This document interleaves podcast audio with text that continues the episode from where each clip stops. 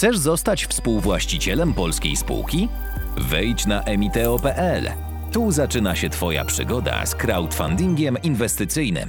Cześć, to jest setny odcinek audycji Zaprojektuj swoje życie. Ja jestem Maciej Filipkowski, a dzisiejszym gościem jest nie kto inny, tylko Michał Szafrański. Może tego nie wiecie, ale ta książka, Zaufanie, czyli waluta przyszłości Michała Szafrańskiego, poniekąd była dużą inspiracją. Michał jest trzecią osobą, którą zapraszam, która pomogła mi stworzyć ten program. Udało nam się zrobić ponad dwugodzinną rozmowę, którą z uwagi na to, że jest to e, setny odcinek, nie będziemy cieli i dostajecie ją tak, jak wyszła. Bardzo się cieszę na tą rozmowę. Rozmawialiśmy z Michałem o budowaniu społeczności, rozmawialiśmy z Michałem o sukcesie finansowego ninja, o tym, jak oszczędzać pieniądze, jak je później inwestować, jak się rozwijać. Michał miał chyba więcej pytań do mnie niż ja do niego. Po odcinku nagraliśmy niecodziennik, który zobaczycie za parę tygodni do miesiąca. Jeszcze nie znamy daty premiery, który ma 50 50 minut i Michał mnie przepytywał o tym, jak ja inwestuję pieniądze, więc to w ogóle wyszło niesamowicie. Jeżeli jesteście tutaj pierwszy raz, to koniecznie wejdźcie na zaprojektuj swoje życie.pl łamane przez newsletter. Zapisz, zapiszcie się na nasz newsletter. Ruszamy wreszcie po dwóch latach. Przy setnym odcinku będziemy wysyłali do Was newsletter. Raz w miesiącu nie chce mi się za dużo pisać, nie chcę za dużo Was męczyć, ale taka skondensowana pigułka wiedzy do Was będzie trafiała. Jeżeli słuchacie nas na Apple Podcast, Spotify, Google Podcast, podcast obserwuj jest bardzo ważnym guzikiem, komentarze mile widziane, tam gdzie można to robić. A jeżeli oglądacie nas na YouTubie, to subskrybujcie i włączcie ten dzwoneczek, dajcie nam lajka, dajcie komentarz. To jest setny odcinek audycji Zaprojektuj swoje życie.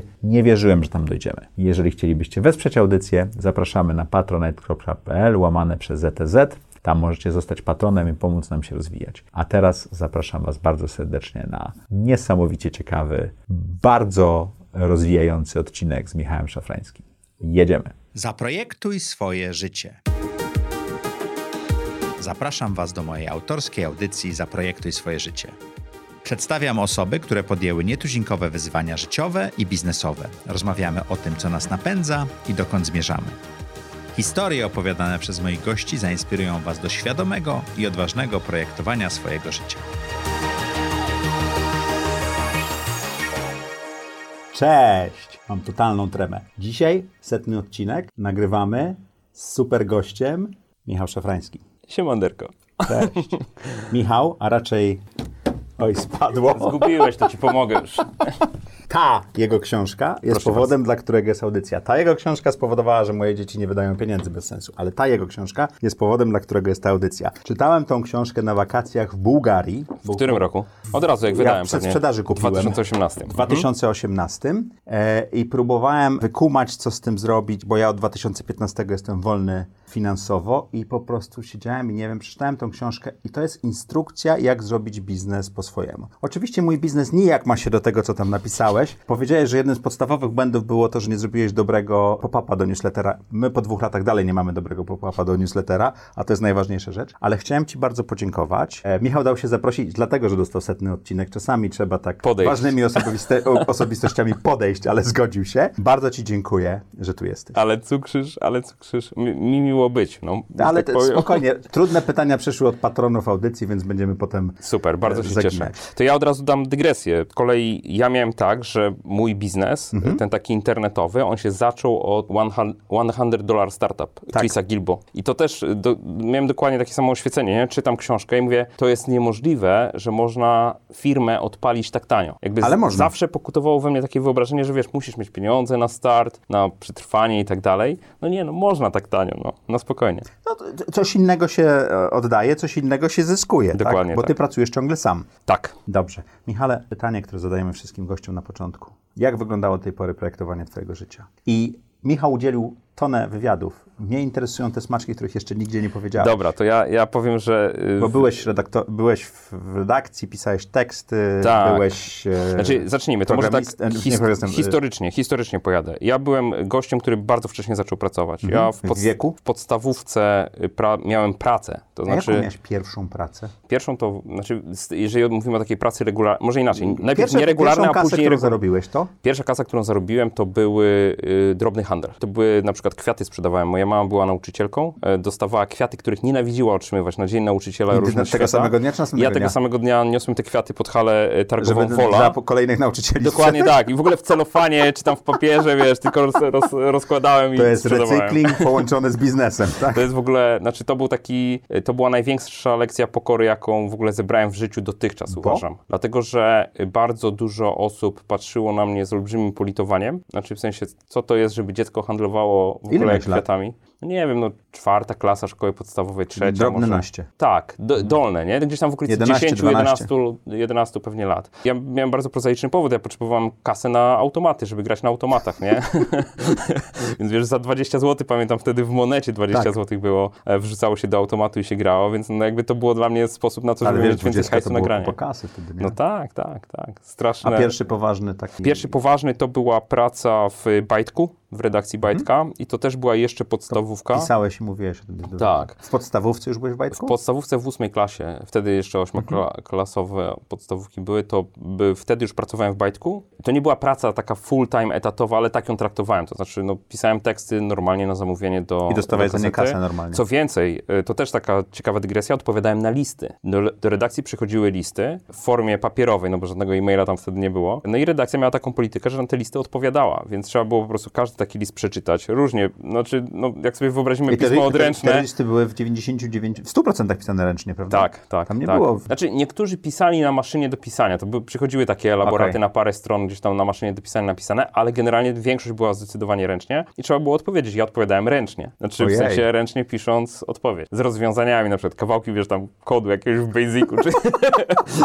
Czyli pisałeś e, rozwiązanie kodu w Dokładnie Basicu, tak? Dokładnie tak, dokładnie Wow. tak. I pamiętam, że y, najlepiej zarabiałem na odpowiadaniu na listy, a nie była na tekstach redakcyjnych. Stawka per list? Dokładnie tak. Więc wiesz, no jakby robisz na ilość, nie? W sensie takim, że no starasz się odpowiedzieć na, na te problemy czy Ale, pytania, ale nie, nie piszesz elaboratów, tak? Tak, a to jest dosyć szybkie mimo wszystko, nie? Mhm. Więc wiesz, z, zawsze stertę tych listów zabierałem z redakcji, później stertę przynosiłem takich do wysłania, nie? Znaczy fenomenalne czasy z, z mojej perspektywy. No i to pisanie chyba tak do mnie trochę przylgnęło, bo... I zostało. Tak, później było tak, że na studiach w międzyczasie miałem swoją własną firmę, taką, która handlowała podręcznikami. Firmę, normalnie zarejestrowaną firmę, działalność gospodarczą. Później było tak, że wydawałem swój własny magazyn dyskowy.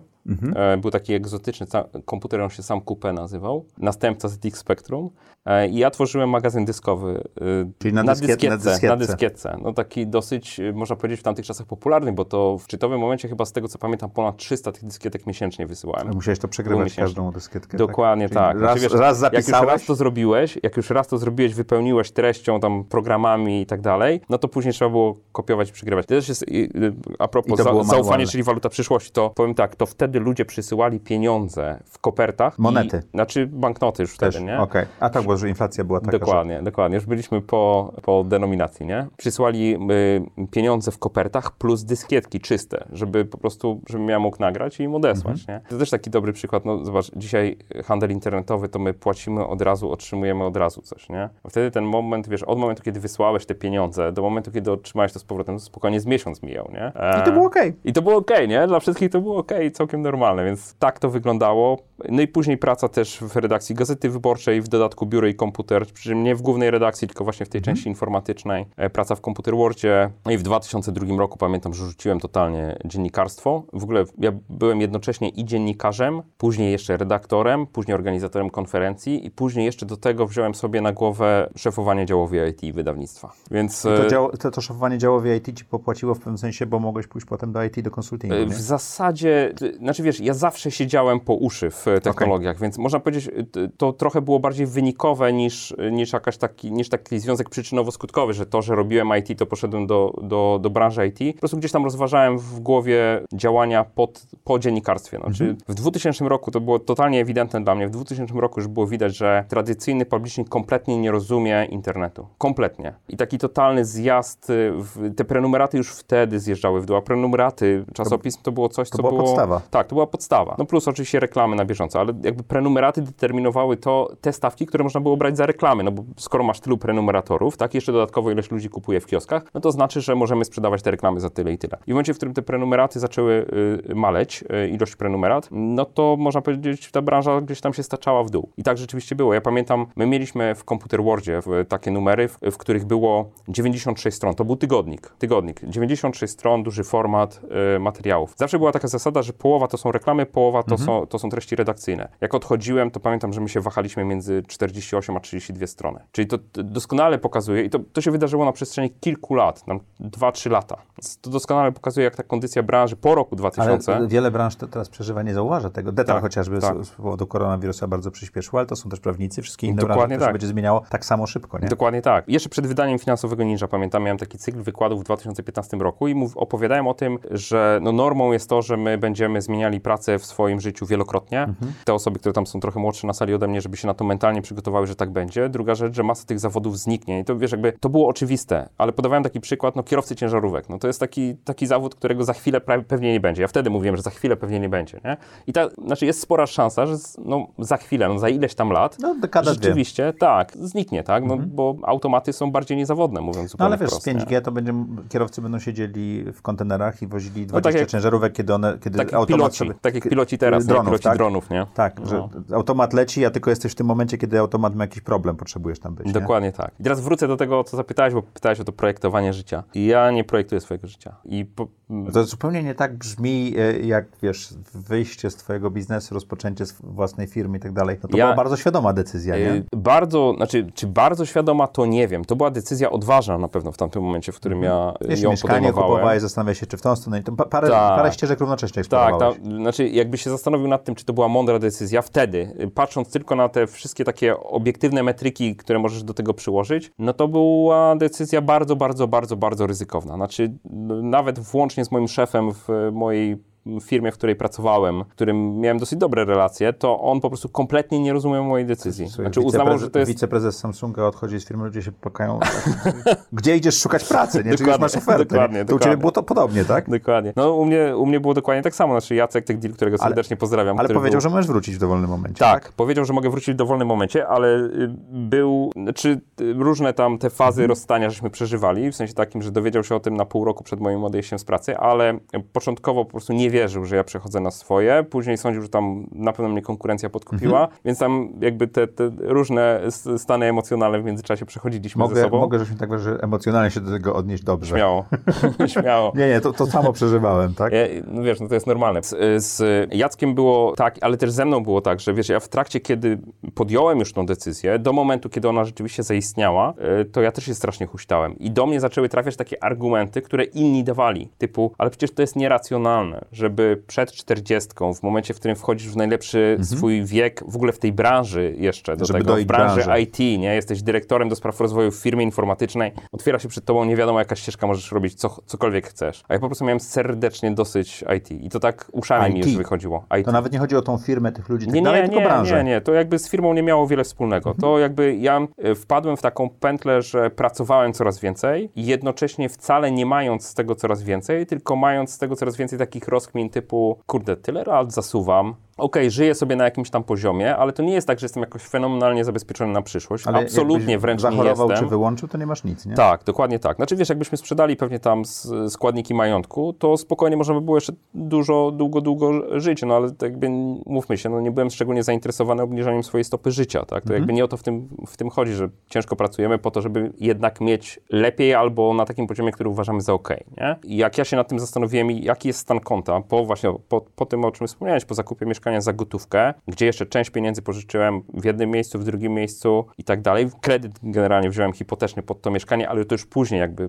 zwracający koszty, bo ja się po prostu fatalnie źle czułem z bardzo małym stanem konta. Ten bardzo mały stan konta u nas był w szczytowym momencie tam chyba dwadzieścia kilka tysięcy mieliśmy na koncie po remoncie. To wszystko? Tak, i to było wszystko. Oczywiście mieliśmy jedno mieszkanie, drugie mieszkanie kupione za milion w gotówce i tak dalej. A one pracowały? Nie, jedno mieszkanie pracowało wyłącznie, bo A, było wynajmowane. E, jeszcze gdzieś tam jakaś działka, która leży odłogiem. Nie, działki nie zarabiają tak, gotówki, leży nie? Odłogiem do dnia dzisiejszego, nie? Więc ja się czułem po prostu fatalnie. Y, ja jeszcze zarabiałem w takim modelu, że ja miałem model pracy prowizyjnej w dużej mierze. Połowa mojego wynagrodzenia no, była związana z, z, ze skutecznością tych projektów, skutecznością finansową I, tych projektów, i, które przeprowadzałem. kasy od Dokładnie tak, od klientów, nie? od klientów, nie? Ty wiesz, to też tak jest, że jak pracujesz w firmie IT, w której masz udział w zysku, to ten zysk też zależy od wielu innych czynników, mhm. na które kompletnie nie masz wpływu, nie? Znaczy są jakieś... dolara chociażby, są, Znaczy są też jakieś projekty w firmie, które są na przykład nierentowne, nie? No to, to siłą rzeczy firma do dokłada do nich. No okej, okay, no to ty wypracowujesz pieniądze, a jakieś inne projekty je konsumują i sumarycznie zysk firmy jest mniejszy niż mógłby być, nie? gdyby się skoncentrować tylko na tych bieżących. Mhm. Oczywiście, no wiadomo, polityka firmy jest taka, żeby też robić rzeczy, które są inwestycją, niedochodowe teraz, być może będą dochodowe kiedyś. I to było ale... to, co się zagotowało w IT, czy coś innego? Nie, mnie, mnie zagotowało to, że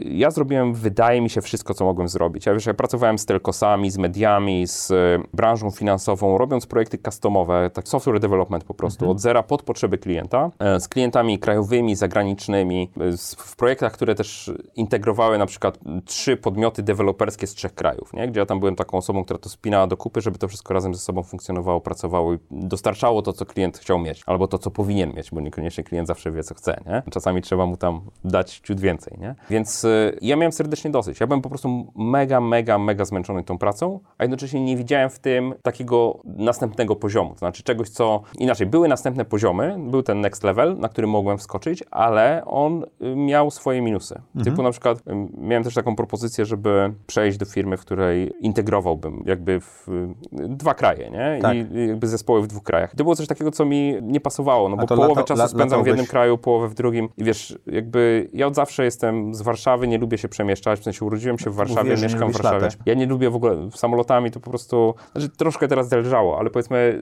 y, to jest lęk, który ja mam. Znaczy, ja, ja po prostu nie wierzę, że ta masa yy, stali plus nitów ma prawo w ogóle się wznosić w powietrze. I nikt mi nie, nie powie, że to tam prawa fizyki. Ja wiem, że prawa fizyki, ja to wszystko rozumiem, ale to jednak... Ale tego nie czujesz. Wiesz, nie czuję tego, tak. Poza tym, wiesz, ja zawsze mówię, że niby wypadków mało, ale jak już, jak już jesteś w tej puszce i wiesz, że jest źle, to nie szczególnie masz, możesz cokolwiek zrobić, a no ten czas wpływu. jest dosyć długi, nie? od, od powzięcia tej wiedzy do, e, do ewentualnej katastrofy. Samolot spada 4 do 5 minut, tak? No, więc to wiesz, to ile razy to życie może przelatywać przed oczami, nie? Więc tak się śmieję, ale wracając do tego projektowania, bo chciałbym to skończyć. Mm. Ja nie projektuję, to znaczy ja reaguję i to, co mi się wydaje jest takim moim skillem dosyć dużym, to jest zdolność reagowania. Czy rea- przepraszam, doprecyzuję, ty reagujesz w jakimś kierunku. Ja mam takie powiedzenie, że budujemy most y, z tego, co spływa w dół rzeki, no ale ten most trzeba wiedzieć, w którą stronę rzeki chcemy przełożyć. Y, znaczy, na pewno jest tak, że buduję w oparciu o doświadczenia. To jest, to jest totalnie oczywiste. Znaczy, ja się bardzo dużo też w życiu kieruję intuicją, nauczyłem się nią kierować. W sensie takim mhm. dobrze wiem, że moja intuicja to jest pochodna wszystkich doświadczeń, które gdzieś tam ale wcześniej zostały czy wiesz, zebrane. dokąd zmierzasz? Albo chociaż w jakim kierunku? Jestem skłonny podejmować ryzyko, nie wiedząc, jaki to da rezultat, bo nauczyłem się, że potrafię się dostosować do sytuacji. I teraz dam okay. Ci przykład. Znaczy już, żeby, żeby było bardzo konkretnie. Odejście z prasy do IT. Nie było oczywistym krokiem. Totalnie nie było oczywistym krokiem. To było przejście na drugą stronę barykady. Znaczy jak jesteś dziennikarzem, który pisze o IT i przechodzisz na drugą stronę barykady, to kompletnie nie wiesz, czego się spodziewać. Niby znasz ten świat, ale nie wiesz, czego się spodziewać. Ja robiłem rzeczy totalnie nowe. Wiesz, w wieku tam 30 lat kompletnie zmieniłem kierunek mojej mhm. kariery. To znaczy jakby nie ma, nie ma nawiązań żadnych. Mhm. Znaczy można powiedzieć takie doświadczenie doświadczenie, nazwijmy to trochę marketingowo, PR-owe, no to gdzieś tam z mediów wynosisz. To jest oczywiste, że to ci się przydaje w pracy, ale to nie ma nic wspólnego, wiesz, z prowadzeniem projektów, z zarządzaniem ludźmi itd., itd., itd. Ja miałem namiastkę tego w redakcji, bo tak jak budowałem dział IT, no to miałem już swoich ludzi, ale wiesz, tam dwie osoby na pokładzie, no to, to jeszcze niewiele mówi, nie? A w szczególności ja nigdy nie pracowałem z klientami bezpośrednio, tak? Mhm. E, y, no tu wiesz, trafiłem w gruncie rzeczy do sprzedaży. To jest to, co ja robiłem, nie? Chociaż ja zawsze mówiłem mojemu szefowi, ja nie chcę sprzedawać. On mówi, dobra, dobra, nie? E, tam, to, to idź tam na spotkanie tylko, nie? Zrób to i to, nie? No, nauczyłem się sprzedawać po prostu w, w branży IT i świetnie się z tym czuję, bo jakby to, to jest ten model sprzedawania, który ja uwielbiam, to znaczy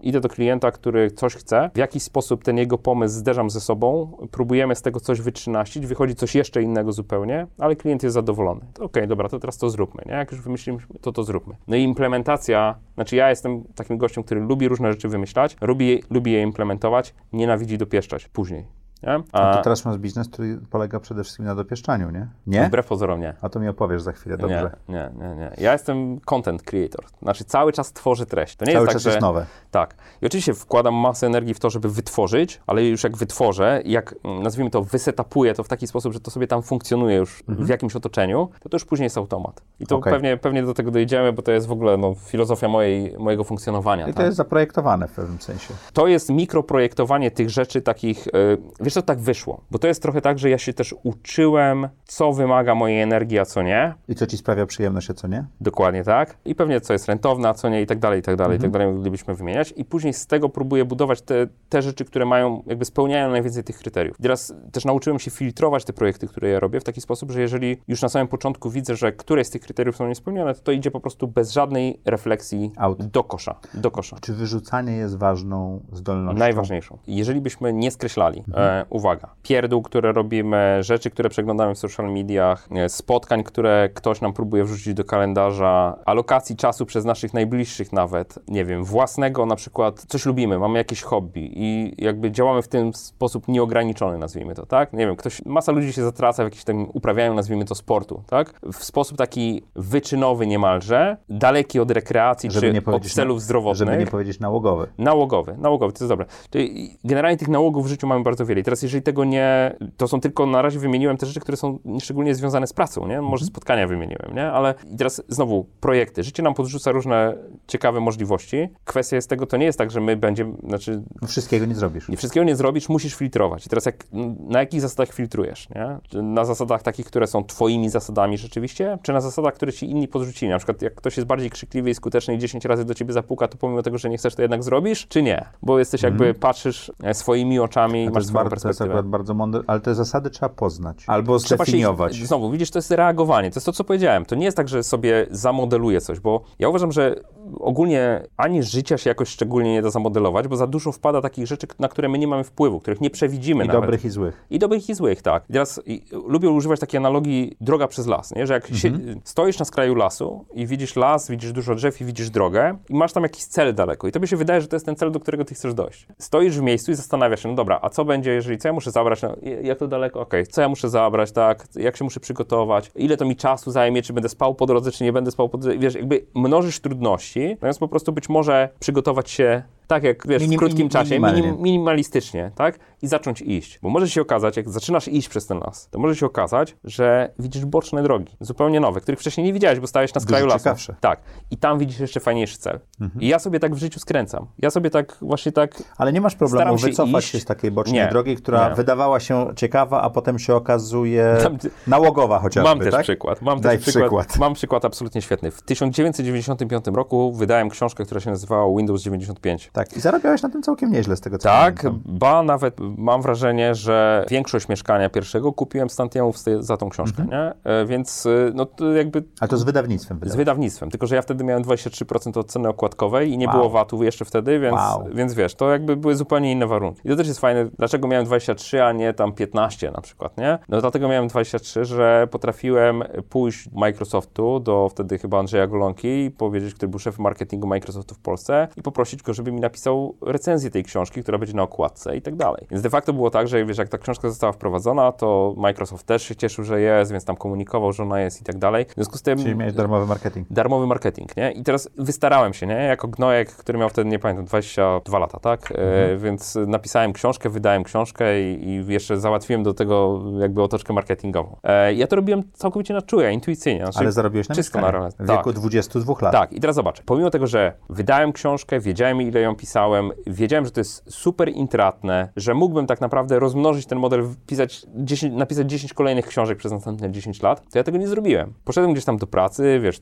realizowałem jakieś tam inne, nazwijmy to swoje cele, czy to ambicjonalne, czy jakiekolwiek inne. Szedłem za tym, co mnie interesowało. I musiało Ale minąć naprawdę wiele lat. Napisałeś i wydałeś. Tak, ale musiało minąć naprawdę wiele lat, żebym ja skleił, że może w tym modelu, który ja już dawno temu zrealizowałem, jest, yy, wiesz, Czasami to trzeba dorosnąć do siebie, prawda? Dokładnie Samego. tak. I teraz zobacz, ile warte jest, ile warte jest to nasze planowanie życia, takie długoterminowe. Czekaj, bo to jest audycja o projektowaniu jak- życia, ja- nie ja wiem, rozwalajmy, ja wiem, nie ale- rozwalajmy tego całkiem, ale ja się z tobą absolutnie zgodzę, że trzeba Znaczy- eksperymentować. Ja bym powiedział tak, to, to jedno drugiemu nie przeczy, bo jakby planowanie jakieś musisz wykonywać. To nie jest tak, że wiesz, ja w długoterminowej perspektywie kompletnie siebie nie planuję. Po prostu nie wiem, co mnie będzie interesowało za 5 lat. Wiesz, zmieniam się i chciałbym utrzymać w sobie taką chęć i gotowość do tego, żeby się cały czas zmieniać. Coraz trudniej jest dla jasności, nie?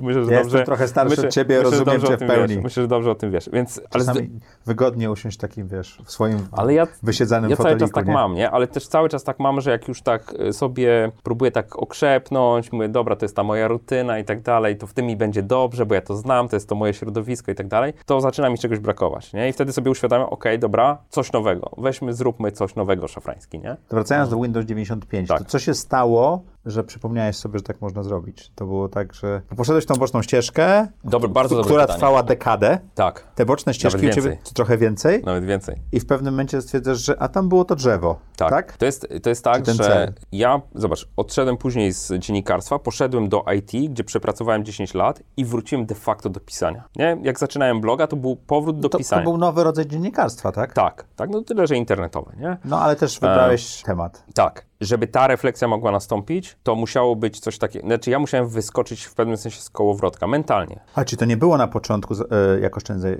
pieniądze, tylko to było jakoś w trakcie, to, to, ciebie wróciło, tak? Yy, moment. To znaczy tak, jak byłem, jak pracowałem w IT, dla mnie takim punktem krytycznym był rok 2007 łamane na 2008, ja się wtedy połamałem. Znaczy autentycznie na snowboardzie dwie nogi jednocześnie złamałem. Nie było wiadomo, czy będę chodził, czy będę biegał, to w ogóle tam nikt nie Śruby, rokował. operacja, Tak. maraton, patlin. I ja sobie pół roku leżałem wtedy w, generalnie, no byłem poza pracą przez pół roku i zastanawiałem się, co ty szafrański, znaczy w sensie, no dobra, to postaw się w takiej sytuacji, zastanów się, gdybyś kark skręcił, a niewiele brakowało naprawdę, y, to co by się stało z rodziną, jakby z tymi osobami, na których najbardziej ci zależy. Ja sobie wtedy uświadomiłem, że jestem w totalnej czarnej D, nie? Że Bo jesteś jakby... pracownikiem, który ma bardzo dobre zarobki, ale tylko Tak, zarobki, tak? Tak, tak, tak. Jakby niewiele z tego odkładamy, a jak odkładamy, to i tak za chwilę coś, na coś to idzie, nie? Na jakieś większe zakupy. I to jest, to, to, za, to był dla mnie taki moment przebudzenia, kiedy ja sobie powiedziałem, kurczę, po pierwsze nie jesteś kuloodporny, więc przestań już tam świrować z różnymi rzeczami. E, Po drugie, musisz zadbać, znaczy ja wtedy, bo ja zawsze miałem taką głęboko wbudowaną potrzebę zapewnienia bezpieczeństwa sobie i najbliższym. To jest pierwsze, w ogóle stąd cała ta moja oszczędność i tak dalej, jakby odkładanie na To jest górkę. główny driver, nie? Za, potrzeba zapewnienia bezpieczeństwa tak, był, powiedzmy, w te, do, do pewnego momentu, bo w tej chwili można powiedzieć, e, jesteśmy tak totalnie zabezpieczeni, że w zasadzie, no wiesz, zastanawiam się, co robić dalej, nie? I mm, to był taki, też dojdziemy do tego, ale e, i teraz wtedy był ten moment przebudzenia i mi kolejne trzy lata zajęło, żeby w ogóle założyć bloga, nie? Znaczy, ja jeszcze nie mówię o odejściu z etatu, bo to ja wtedy Te pracowałem decyzje, na to... te decyzje tak łatwo nie przychodzą. Nie, I, znaczy i nie jest- są oczywiste. Wiesz, to znaczy jak zasuwasz w tym swoim jakimś świecie, swoim jakby takim Rytmie. zamkniętej y, rytmie, to jedno, ale drugie jesteś w jakiejś swojej zamkniętej rzeczywistości. Ona jest Okej. zamknięta. To trudno jest dostrzec rozwiązania poza nią. Jakby nie znasz tego świata na zewnątrz. Wasz innych osób, żeby na twój świat spojrzeli z zewnątrz? Y, ty- Wiesz, tylko znowu, jak bardzo próbujesz sobie sam odpowiedzieć na pytanie, co jest dla ciebie ważne, a co nie. Okej. Jak ty Okej. do tego podchodzisz, zderzając to ze swoimi doświadczeniami, czy nawet możliwościami, które posiadasz, czy nawet wiedzą o sobie na temat tego, co jesteś, czego jesteś się w stanie nauczyć, a czego nie. Albo wiedzą o tym, czego nie wiesz. Tak, no to wiesz, Mhm. to nawet trudno czasami odpowiednie pytania zadać. Tak. Znaczy,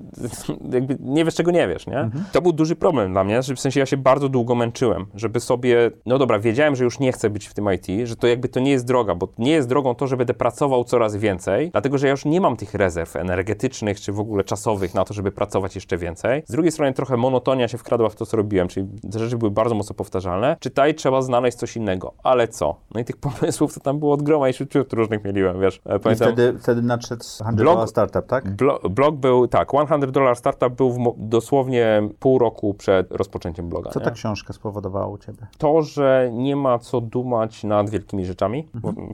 w- wracając, nie?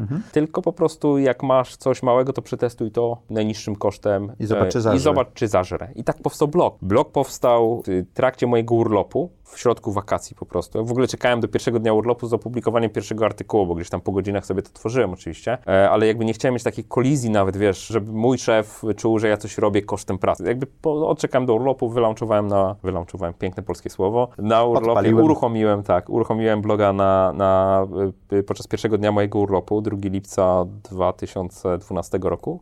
No i, i tak to się potoczyło. I dałem sobie pół roku. To też jest, y, myślę, taki charakterystyczne, że ja powiedziałem sobie, daję sobie pół roku, chcę w tym wytrwać, chcę pisać dwa wpisy tygodniowo, e, mieć ileś tam komentarzy na blogu, mieć iluś tam czytelników w skali miesiąca pod koniec roku i jeżeli to nie wypali, to po prostu to zaoram, poszukam następnego pomysłu. A to jest pytanie, które mnie bardzo e, frapowało i, i chciałem je zadać. Dlaczego wybrałeś ten obszar? Bo na tym się najlepiej w tym, ja, ja powiem... To nie był market research, że wybrałeś, że to będzie Nie, najbardziej ciekawe, nie, bo to nie. jest, y, jeżeli chodzi o możliwość monetyzacji i tak dalej, to jest super obszar. A Nie? e, to jakby nie Ale- do końca sobie to uświadomiałem, że takie są możliwości monetyzacji tego obszaru. Mówię zupełnie poważnie. Czyli wybrałeś to raczej szukałem- dlatego, że stworzyłeś systemy do oszczędzania w domu i zarządzania, tak? Tak, ale też kolejna rzecz, która była istotna, mój bliski znajomy e, Adam Jadczak, pozdrawiam Adaś, powiedział mi, że ja jestem takim gościem, który tą wiedzę po prostu ma. Szkoda, żeby ona się O marnowała. oszczędzaniu i zarządzaniu Tak. pieniędzmi. E, Adam to bardzo jakby wcześniej mi to powiedział, że ze dwa lata wcześniej mi to mówił. e, i Wtedy też rozważałem, jak, to, jak, jak tą wiedzą się dzielić. Czy robić jakieś warsztaty, wiesz, no to jakby ten, Mhm. jest,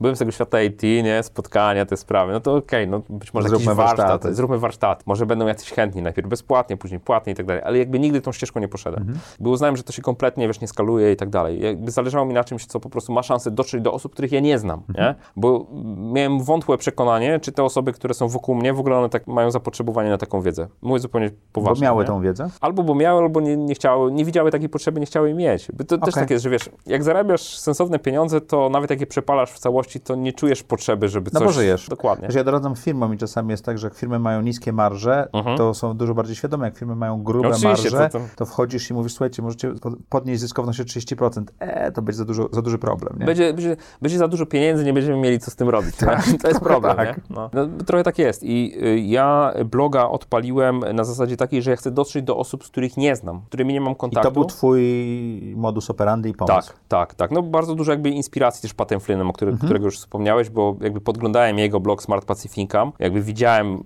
te liczby, które On on, pokazywał. Tak, on, on został zwolniony z pracy. Tak, E, i miał tak zaczynał. e, kurs na architekta? Nie pamiętam. Egzamin. To, Egzamin to jest, e, przygotowawczy. Tak, to jest egzamin, który przygotowuje do jakichś tam uprawnień dla architekta i tak dalej.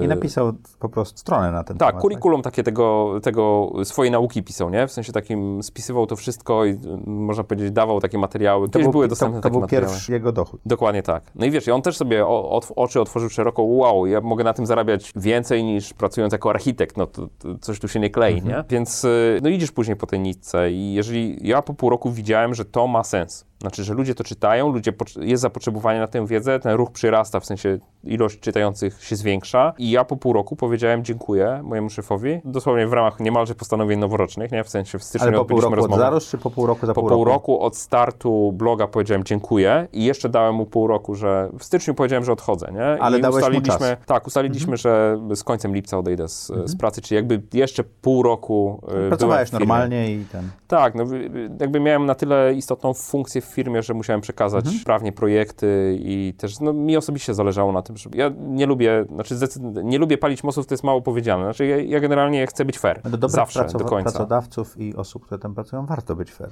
Tak, ale jakby już abstrahując od tego, wiesz, do kogo warto, a nie warto, to ja jakby mam taki wewnętrzny imperatyw, że po prostu chcę być fair, nie? I, i to, mnie, to mnie gdzieś tam napędza. Czyli przez rok tak. robiłeś jedno i drugie? Tak. Przy czym decyzję podjąłeś po pół roku. Co spowodowało, że podjąłeś tę decyzję? Bo jeszcze nie zarabiałeś pieniędzy na tyle, żeby móc po pół roku odejść. Już zarabiałeś.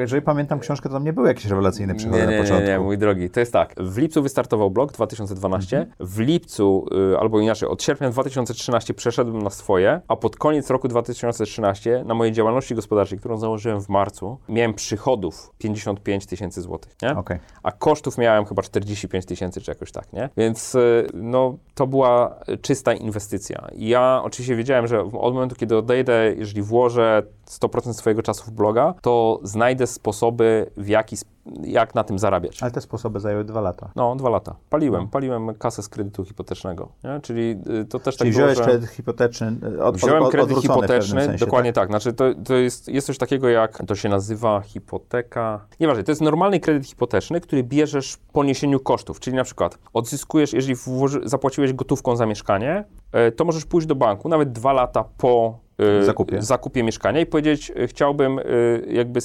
refinansowanie. To jest Mhm. kredyt hipoteczny refinansujący koszty zakupu. Nie? Chciałbym uzyskać taki kredyt. Ja się o tym dowiedziałem od doradcy kredytowego, że w ogóle taka możliwość istnieje i mówię, ok, to być może jest szansa na to, żeby na koszt banku odpalić moją działalność, jednocześnie wiedząc, że przez pierwsze dwa lata palę pieniądze banku. Co oczywiście jak pomyślisz Mhm. One nie o tym... są banku, bo one są twoje, ale, ale No, wie- odsetki nie są duże. Tak, wiesz o co, wiesz o co chodzi, nie? W sensie takim, Ale wtedy tego jest... tak nie rozumiałeś? Jeszcze raz? Wtedy myślałeś, że to są pieniądze banku? Nie, nie, nie, no ja mówię pieniądze Okej. banku w tym sensie, że Pieniądze i tak je muszę, muszę je oddać, nie? W sensie to wiadomo, że to są moje, tylko że na moim Mhm. minusie, nie? Więc jakby po, pogłębia mój minus, bo go palę, znaczy palę te pieniądze, Mhm. nie? Nie mając y, bieżących przychodów, nie? Więc to, to jakby było dla mnie istotne i ja też w międzyczasie obróciłem mieszkaniem za te pieniądze, czy w sensie kupiłem, Czy to sprzedałem, więc duży stres dla ciebie? y, olbrzymi, A propos tego zapewniania bezpieczeństwa sobie i rodzinie? olbrzymi, olbrzymi. Znaczy Jak to sobie z tym radziłeś? w najprostszy możliwy sposób. To znaczy, moja żona była świadoma ryzyka i powiedziała: OK, daję ci błogosławieństwo, rób co chcesz. I nie? to już ci wystarczyło? Tak, to mi zdjęło taki olbrzymi bagaż, który, albo inaczej, podzieliliśmy się tym bagażem, w tym sensie, że mentalnie wcześniej ja niosłem to sam. To znaczy, e, Jak pracowałeś, ja czy- byłem. Te, tak, dlatego że ja byłem taką osobą, która była jedynym żywicielem rodziny, to po pierwsze, żona y, dzieci wychowywała wtedy. Y, druga rzecz, która była pioniersko istotna, wiesz, no ja odpowiadałem za finanse w domu, więc jakby Mhm. jako facet czułem się odpowiedzialny za finanse w domu, koniec tematu. No my jeszcze jesteśmy- z tego pokolenia, że to jest tak wdrukowane, że jako- No, dosyć mocno, nie? Więc i wiesz, rodzina na mnie w tym zakresie polegała, więc jakby ten ciężar odpowiedzialności, on, on jest. To, to nie jest tak, że go nie ma, nie? I teraz w momencie, kiedy y, finansowo jest tak na styk, to nie było, że jest zła sytuacja. No nie, nie mogę tak powiedzieć. Znaczy, mieliśmy dobrą sytuację, tylko że było finansowo na styk. Tylko nie, nie było pewności, prawda? Bo to nie było poduszki, Nie chodzi, nie było dużej poduszki nie bezpieczeństwa. chodzi o cash flow nie? każdego miesiąca, tylko tą pewność na trzy miesiące do przodu, nie? Tak, i teraz jakby wiedząc, że ty jakby nie czujesz się osobą, która dobrze performuje, w sensie takim, raczej Mhm. miałem wrażenie, że w pracy tej w IT performuje coraz gorzej, co niekoniecznie miało związek, co niekoniecznie miało odzwierciedlenie w rzeczywistości, bo z zewnątrz inni oceniali, że w ogóle szafrański to jest jakiś tytan pracy, nie? Ale ja sam jakby widziałem te perspektywy krótkoterminowe, nazwijmy to, nie długoterminowe, tylko krótkoterminowe i wiesz, na pytanie, czy chcę robić to samo, co robię w tej chwili za dwa lata, no to odpowiedź była nie, więc jeżeli taka jest odpowiedź, to trzeba działać tu i teraz, nie? Więc jakby było bardzo dużo tej takiej mojej niepewności, bardzo dużo takiej niepewności, czy ja sobie poradzę z tym, czy nie z tym przejściem na coś innego. No i Gabi powiedziała, wiesz co, ty sobie poradzisz w każdej sytuacji. To jakby dla mnie to było uwalniające. Znaczy, wiesz, niby masz na bieżąco wsparcie, ale jak już tak odbywacie naprawdę mega poważną rozmowę na temat tego, że może być krucho i druga strona ci mówi 100% zaufania mam do ciebie, dasz radę, to mówisz sobie, kurde, no to okej, no, skoro ona wierzy, to dlaczego ja mam w siebie nie wierzyć, nie? W swoje możliwości. Więc jakby Ile czasu ci zajęło od momentu, kiedy już przeszedłeś na swoje, Mhm. czy do momentu, kiedy przeszedłeś, od momentu, kiedy odkryłeś, że jednak chcesz to zrobić, do momentu, kiedy przeszedłeś na swoje? mentalnie pół Men- roku. Tylko? No bo zobacz, zacząłem blogować. Mówimy od momentu rozpoczęcia blogowania. Nie, od momentu, kiedy... Ja może... Kiedy podjąłem decyzję, Poczekaj, jest mi trudno zadać to pytanie. Opowiem ci Śmiało. moją historię i ja przeczytałem Tima Ferisa w 2000 chyba 7 czy 8 roku, jak, był, jak była premiera Mhm. i to mi zrobiło takie możesz zlifehackować swoje życie i żyć inaczej. A przedtem Kajosakiego czytałem, który Mhm. Tak, mówił tak. o dochodzie pasywnym, co dla mnie było wow, jest coś takiego jak dochód pasywny. Mhm. 7 lat mi zajęło, żeby wyjść. okej, ch- ty mówisz, ale wyjść z korpo Już- już w międzyczasie pracując Cały y, czas pracując, inwestując, budując. i nie? inwestując i budując, czyli jakby podejmując już działania w kierunku tego, tylko nazwijmy to takim, ale znowu, przejście na swoje czy wolność finansowa, bo to są dwie Przejście na rzeczy. swoje, wolność finansowa. Znaczy, nie, przepraszam, u mnie to było to samo, bo ja... Bo ty ja, nie wyszedłeś z korpo, ja dopóki dopiero nie, jak nie uznałeś, że możesz. Wolność Widzisz, ty nie miałeś, tego, nie miałeś tego etapu takiego, Miałem, bo ja zbankrutowałem dwa, dwa lata później praktycznie. Znaczy nie, nie prawnie, Tak. ale odkryłem, że... po odejściu z korpo tak, zbankrutowałeś? ja odszedłem w 2015 roku, w 2017 roku byłem bez pieniędzy, bez gotówki. Miałem Tak. za dużo rzeczy zainwestowałem i nie przewidziałem cashflowów. miałeś, tak. A ja generalnie jestem dobry w cashflowach, nie? Tak, tak. Tylko tak zawsze pensja wpadała, nie? Tak. I, I ona przestała wpadać. Fałszowała ten wynik. E, bardzo fałszowała ten wynik, tak? E, Zresztą o tym chcę z Tobą porozmawiać później, bo, bo dochody takich przedsiębiorców jak my są nieregularne, Dokładnie. a wydatki są. I, I mi zajęło 7 lat, żeby to zrobić. Rzeczywiście, ja to zrobiłem w momencie, kiedy mój dochód pasywny, taki typowe duże kółko Kajosakiego, mój dochód pasywny był większy niż moje wydatki. Dobra, okej, to teraz to ja powiem, jak to wyglądało Mhm. u mnie, bo u mnie było tak, że ja miałem jeszcze ten etap taki, że podjąłem decyzję, że odchodzę, czyli ucinam y, pensję, Mhm. tak? Odchodzę z firmy, ucinam pensję i otwieram swoją własną działalność. Wtedy zacząłem palić pieniądze z tego kredytu, który uzyskałem, tak? Okej. I ja sobie, ja wtedy dałem sobie Ale nie miałeś dochodu, tylko miałeś majątek. Miałem majątek, tak? Miałem tam, nie wiem, 600 tysięcy odzyskane z kredytu hipotecznego, no to jak sobie się zastanowisz, ile przy oszczędnym trybie życia, na ile ci 600 tysięcy może wystarczyć, to jest całkiem długo, nie? W każdym razie, jakby ja nie chciałem zasadniczo zmieniać niczego w stylu, czy w poziomie naszego życia, jakby, czyli jakby świadomie sobie dałem dwa lata na rozbujanie firmy. Rozbujanie firmy rozumiałem jako wyrównanie przychodów, które miałem z pracy etatowej. Yy, netto, netto. Tak, tak. Znaczy, jakbyśmy się mieli zastanawiać, to wiesz, ja miałem, znowu, to też, jak dojdziemy do tego planowania, no może wtedy powiem, jak dojdziemy do tego planowania, Mhm. nie? Ale ja miałem jakiś stały, nazwijmy to poziom zarobków, w miarę stały, który był dla mnie satysfakcjonujący. Dodatkowo miałem jakieś tam premie i tak dalej, które były bonusem w stosunku do tego, co chciałem e, zarabiać i mi zależało, żeby ten stały jakby zreplikować w swojej własnej firmie. On nie był jakiś strasznie duży, tak jak mówiłem, połowa to i tak były bonusy, a połowa to było wynagrodzenie stałe, w związku z tym jakby wydawało mi się to prawdopodobne, że w dwa lata do tego dojdę. I doszedłeś? Można powiedzieć, po roku prowadzenia działalności miałem bardzo duży strzał związany z e, afiliacją, z zarabianiem na Na polecaniu. kartach kredytowych bodajże. Pro, nie, nie, karty kredytowe nie. y, To były wtedy y, lokaty bankowe. lokatach, przepraszam, na Tak, czy lokatach konto nawet, chyba ROR jakiś tam, Tak. taki z bonusem, nie? Że premię płacił za to, że założyłeś konto w banku. I wtedy na tym konkretnie zarobiłem. Później powtórzyłem to drugi raz, bo tak mówię sobie, to niemożliwe, to jest taki beginner's luck, wiesz, że to raz się zdarza, już później nigdy tego nie ma. Trzeba zweryfikować, czy drugi raz się to uda. W związku z tym jeszcze raz y, spróbowałem w ten sposób. Oczywiście już inna oferta i tak dalej. I się okazało, że to jest dosyć przewidywalny strumień przychodów, aczkolwiek ja i tak w niego nie wierzyłem. To znaczy uważałem, że to są jakby zarabianie na polecaniu produktów cudzych, jest mało przewidywalne, ja muszę mieć swoje własne produkty. A tak się zbiegło świetnie w czasie, że ja wtedy wypuściłem też po roku od y, rozpoczęcia własnej działalności, czyli połowa 2014 roku, ja wypuściłem kurs budżet domowy w tydzień, który do dzisiaj jest dostępny. I y, to był mój pierwszy płatny produkt. On się jakoś świetnie na początku nie sprzedawał, ale to było tak raz wytworzone I kapie ciągle. i kapie ciągle, nie? W zasadzie. Ile na tym kursie już zarobiłeś? E, I dam, to też jest dobre, do, w, warte powiedzenia, bo tak, pierwszej edycji sprzedaży przychód wyniósł około 30 tysięcy złotych. Poniżej Netto, 30 brutto? brutto poniżej 30 tysięcy złotych. Przy czym ja wtedy miałem jeszcze, ja to robiłem przez spółkę ZO, która nie była VAT-owa, w związku z tym VAT-u nie było, można powiedzieć netto niemalże równa się brutto, znaczy minus koszty, nie? Jak koszty uwzględniłem oczywiście wszelkie, które były związane z produkcją tego kursu, tam 12 tysięcy czy 16 tysięcy, już nie pamiętam w tej chwili, zarobiłem na czysto. Ale już zarobiłeś. Tak, zarobiłem na czysto na nim. Przy tej pierwszej edycji sprzedaży. Ale do dzisiaj ten kurs, on jest od 2014 roku jest autentycznie nieruszony. Jedyne, Sześć lat. Jedyne, co do niego dodaję, to dodaję do niego co roku nowy szablon budżetu domowego, tak? Ponad milion złotych na czysto. Bez Czyli żadnych dodatkowych kosztów.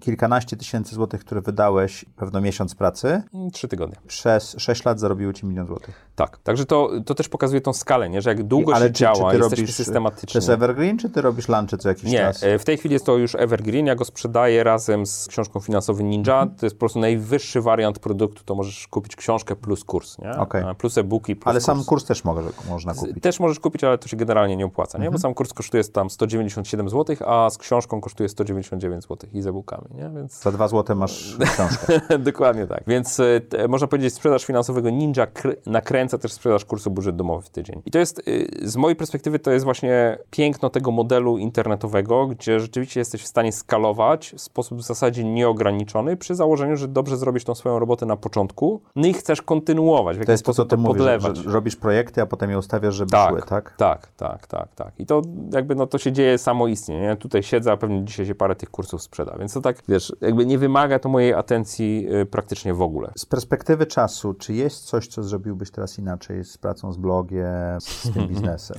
Pewnie wiele rzeczy mógłbym zrobić Taka jedna inaczej. rzecz, która najbardziej ci wystaje. Znaczy ja mógłbym przykładać większą wagę do robienia takich końcówek, do kańczania rzeczy, wykańczania rzeczy. I teraz uważaj, to jest, Okej. e, z jednej strony to jest walka z perfekcjonizmem, bo ja i tak bardzo tam jestem taki, że tam lubię te śrubki wszystkie dokręcić, ale z drugiej strony jest bardzo widzę wiele takich obszarów, które są u mnie zaniedbane. I one są zaniedbane na zasadzie, że ja wiem, że one są zaniedbane, Mailing lista u mnie, rozumiem. tak, y, to jest, y, mówiliśmy o tym pop-upie na samym początku, nie? To, y, Okej, te- ale ten pop-up istnieje, tylko że ten pop-up jest niezmieniony od 2012 roku, wiesz? I, I teraz tam nadal jest napisane, zapisz się, dostaniesz tam 27 kalkulatorów w Excelu, nie? Tych kalkulatorów chyba jest 60 w tej chwili, ja tego nie zmieniłem, nie? I to jest, to jest też to, że mógłbym pomyśleć nad takimi rzeczami, na przykład jak te półczynniki poprawić, wykręcić, coś przetestować, wiesz? To jest to, co ty robisz w tym swoim biznesie, a mi się, znaczy w sensie takim, że wchodzisz do firmy, mówisz, okej, Ale tutaj jestem możecie... zewnętrznym, to jest zawsze Właśnie, łatwiej. właśnie.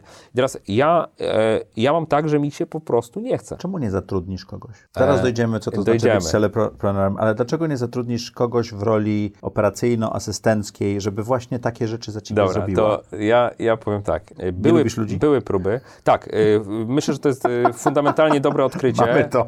Tak, ja, znaczy ja to nieraz mówiłem, że generalnie ja, ja mam dwie cechy, które mnie strasznie niszczą. Jedna rzecz jest taka, że jestem bardzo pro-ludzki, czytaj serce na dłoni, Mhm. jakby mało mam w sobie takiego zarządzającego z twardą ręką, a jednocześnie jestem bardzo wymagający, czytaj i nie potrafię tego pogodzić. Czyli nie potrafisz komuś powiedzieć, że daje ciała i czegoś nikt nie robi, Tak. bo jesteś bardzo miły, a potem cię to wkurza i ich zwalniasz. Dokładnie tak. Tak upraszczając. Upraszczając to jest jedno, to jest jeden scenariusz. Znam Ja, ja, ja tego nie doprowadzam nawet do zwolnienia, dlatego że ja tych ludzi nie zatrudniam po prostu, nie? I mi się dużo łatwiej pracuje z podwykonawcami. Ja podwykonawców mam, bo jakby traktuję, okej, Można ja, ja, mam, ja mam firmę, ty masz firmę, ja jestem profesjonalista, ty jesteś profesjonalista, gadajmy jak profesjonaliści. I to jest jakby mentalnie jest to dużo łatwiejsze dla mnie do zaakceptowania i rozliczamy się za efekt w gruncie rzeczy, nie? I to jest coś, co u mnie funkcjonuje, jak najbardziej podwykonawców różnych mam, ale nie mam swoich pracowników. Podejmowałem chyba ze dwie próby Te 6 lat? Tak, tak. E, Po, posiadania osoby takiej asystenckiej, asystenckiej. Powiem Ci tak, po pierwsze bardzo ciężko jest wyrównać do szafrańskiego, chociaż ludziom się wydaje, że są w stanie, a jednocześnie... Ale chodzi o tempo, czy Od- o inteligencję, czy o nie, doświadczenie? myślę y, tempo i jakość y, takiej pracy, w sensie taki, taki reżim, reżim pewnej pracy. I to nie chodzi o to, że wiesz, ludzie siedzą po godzinach czy coś w tym stylu. Nie. Ludziom się wydaje, że są w stanie operować na takim poziomie jak ja, że bardzo łatwo jest mnie zastąpić. Na przykład, że jestem w stanie zdelegować pewne rzeczy, wrzucić im i oni to będą ogarniali, nie? I powiem Ci, tych ludzi potrzeba bardzo, bardzo dużo do tego i ja się nauczyłem już w tej chwili, żeby skutecznie zdelegować pewne rzeczy, które ja robię, a z drugiej strony nauczyłem się tego, że y, ze względu na tą specyfikę moją, taką typu dopieszczanie pracowników i tak dalej, co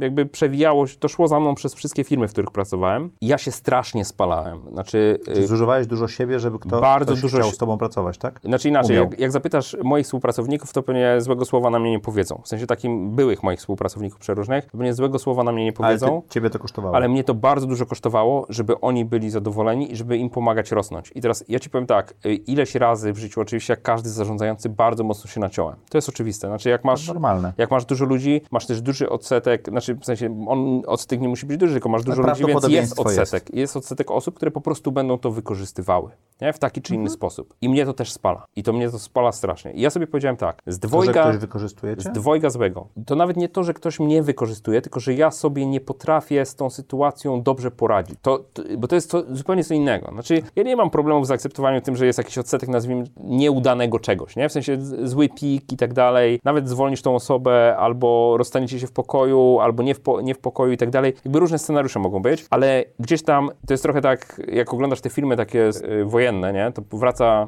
y, weteran z wojny i mu się śnią te osoby tam, czy te, te, te akcje, w których uczestniczył. U te ciebie osoby. tak było? Ja, wiesz, ja cały czas tak mam, że mam, wracam do Ale takich... to nie jest Counter Strike'a. To nie, jest... nie, nie, to wracam do takiej sytuacji typu na przykład, co mogłem rozegrać lepiej z, tym konkre- z tą konkretną osobą, nie? Ale to jest tygodnie E. po, miesiące po, lata po? Nie, no lata, słuchaj. I to z jeszcze poprzedniej- wraca do ciebie? Tak, ja cały czas to mam. Ja w ogóle, jak sobie zrobiłem galupa te y, talenty, to też tam, wiesz, jakby relator jest bardzo wysoko, nie? Więc jakby to jest ta taka cecha, która mówi, że ty próbujesz być, postawić się w takiej sytuacji, w której pomagasz innym iść do góry. I Teraz ja to lubię robić. Znaczy, ja... ja Duży ja, poziom empatii. tak, ale też, y, no tylko że empatia to jest oddzielny talent, Mhm. ja, ja go nie mam, nie? W sensie takim, to trzeba by tam specjalistów od Galupa zapytać, co to znaczy, że ktoś jest relator, a nie jest em- empatia. Mam w, Empata, domu, nie? mam w domu, zapytam. E, właśnie, więc i teraz wracając do tego, czyli ja mam tak, że y, w jakiś sposób bardzo mocno przeżywam Okej. te relacje z pracownikami i dużo, y, znaczy już się nauczyłem, że jakby zdjęcie ich sobie kompletnie z głowy to jest coś, co jest dla mnie uwalniające. Dobrze. I teraz uważaj. Uważam. Oczywiście, że mi to niesamowicie utrudnia robienie biznesu. Niesamowicie mi to utrudnia, że nie mam, wiesz, prawej ręki do tego, do tamtego, do owego. Y, W taką rolę często próbuje wejść moja żona, w sensie takim, żeby mi pomóc, a ja fundamentalnie jakby uważam, że to nie ma sensu, bo jeżeli ja zacznę na żonę delegować różne y, moje sprawy, to za chwilę będzie ten problem, że ona jest obciążona, nie? czy ten,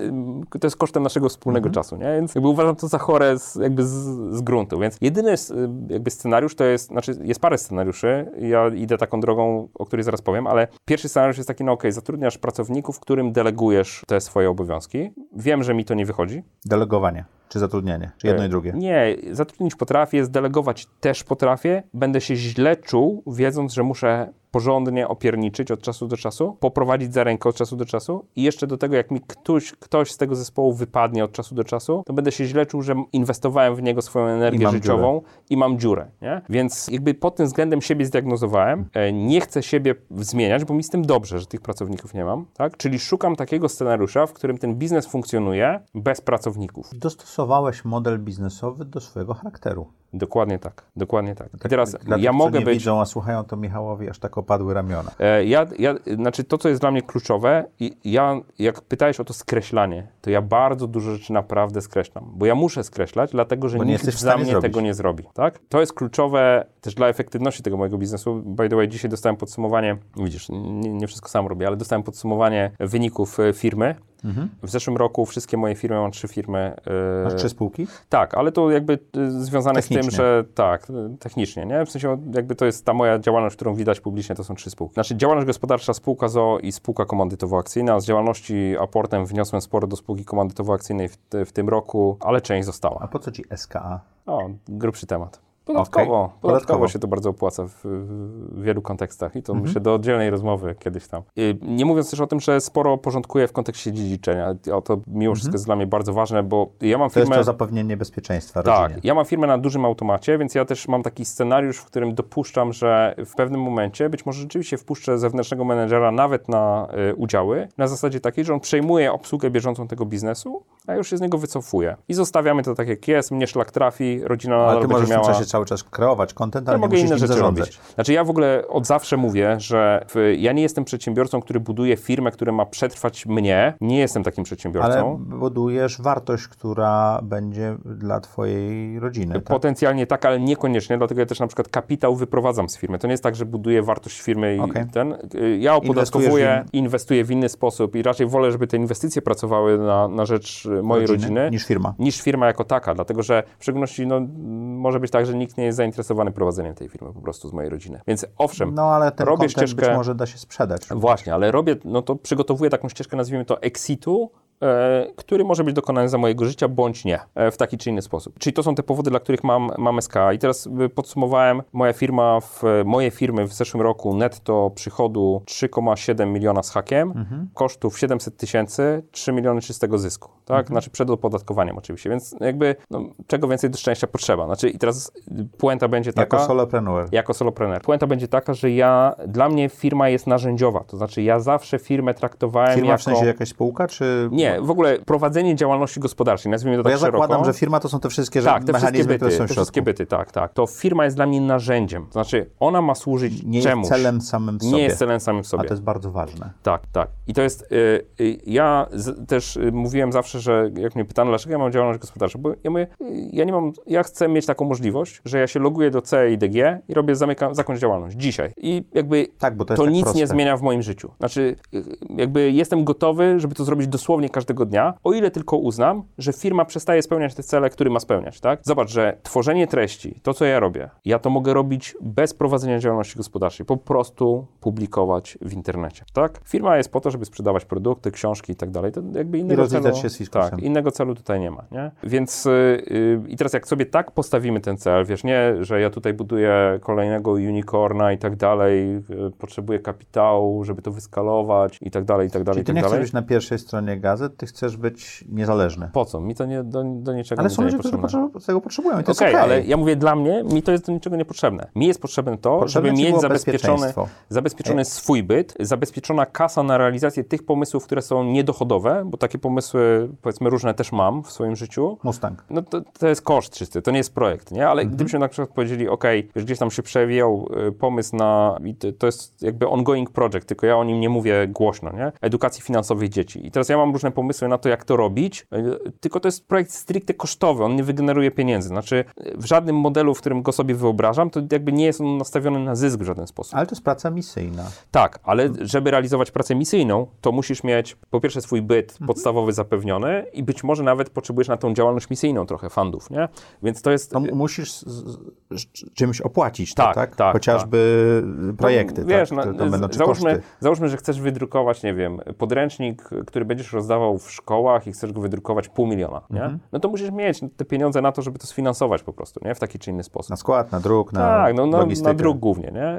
Nawet logistyka związana z dostarczeniem, czy nie wiem, za, nawet jeżeli by się chciało nauczycieli szkolić, załóżmy w szkołach, nie? W Mhm. sensie takim, żeby oni w jakichś warsztatach wzięli udział, no to gdzieś to trzeba zorganizować, ileś to kosztuje, nie? Więc to, y, to są takie rzeczy, które, oczywiście mi tam różne rzeczy po głowie y, ty chodzą. dzielisz swoją, bo myśmy ostatnio mieli dyskusję w zespole i właśnie podzieliliśmy Mhm. pracę Zaprojektuj swoje życie, czy ZTZ Media, jak to się teraz nazywa, na pracę taką czysto komercyjną Mhm. i misyjną. Misyjna to jest szerzenie przedsiębiorczości w Polsce i pokazywanie Mhm. ciekawych osób. Komercyjna, no to szukamy sposobu, żeby zarobić, bo jeszcze my, my jesteśmy na etapie odkrywania tego, tak. Mhm. jak zarobić na to, żebyśmy godnie żyli jako zespół i żeby mieć na tą pracę misyjną. Nie? Znaczy, ja Tak to dzielisz myśli, czy nie? Nie mam, y, ja nie mam takiego podziału, żeby on był jakiś taki sztywny, czy żeby, znaczy uświadomiłeś mnie, że być może powinien być. U mnie nie Znaczy, ma u nas nie jest takiego. sztywny, u nas to jest, to jest ideologiczny myśmy, i, i on ma trzy tygodnie raptem, jeżeli chodzi o Okej, sposób myślenia. Myśmy Jako to pomysł, dosłownie jako pomysł, na początku roku. Mhm. Ja to trochę traktuję jak jedną magmę. To znaczy, wiadomo, że w firmie mam projekty, które są. No,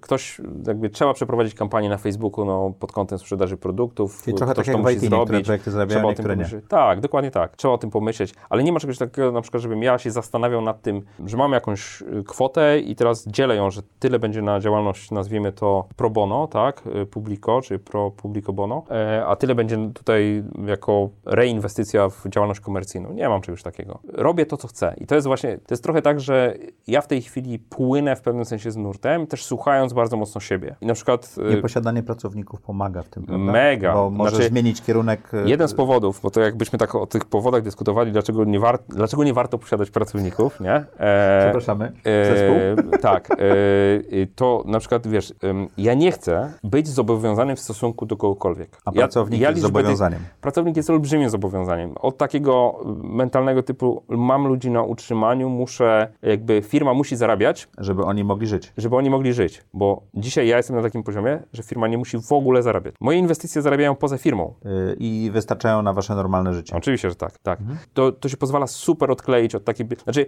nie odpaliłbym pewnie projektu typu Klan Finansowych Ninja, y, który, który odpaliłem w tym roku z dużymi wątpliwościami, bo w najgorszym możliwym czasie, to jakby początek Mhm. pandemii i tak dalej. Wiesz, ja nad tym myślałem y, dwa lata mniej więcej, jak to powinno wyglądać. Sam siebie próbowałem przekonać, że to ma sens. No ma sens, jeżeli chodzi o wyniki finansowe. stop, stop. Ja siebie nie przekonałem, że to ma sens. Do momentu, kiedy to odpaliłem, nie byłem stuprocentowo przekonany, że to ma sens. Czyli To był cię, eksperyment. klienci cię przekonali. Tak, to Tam był- 1400 coś sprzedałeś w pierwszym Tak, rzucie, ale, tak? ale wiesz co, to inaczej. Jak rozpoczynałem przedsprzedaż tego, to sprzedałem 120 sztuk. I teraz jak sobie pomyślisz, że w ciągu trzech pierwszych dni sprzedaży u Szafrańskiego, który w dobrej cenie zaoferował coś, co uważa, że ma sens, sprzedaje się 120 sztuk. To nie jest dużo. Przy sprzedaży typu, że wcześniej sprzedał 100 tysięcy książki i nie wiem, 30 tysięcy drugiej książki, to myślisz sobie, coś skopałem. Znaczy coś jest fundamentalnie źle, albo ja to źle zakomunikowałem, y, ludzie tego nie rozumieją, albo to jest po prostu zły produkt, albo to jest produkt, który jest nikomu niepotrzebny do niczego, nie? I ja miałem straszną, znaczy ja byłem gotowy oddać pieniądze i zamknąć ten projekt. To jak działa klan finansowego Ninja teraz? znaczy, no, działa tak, że jest nas w tej chwili około 2,5 tysiąca osób już. Czyli pier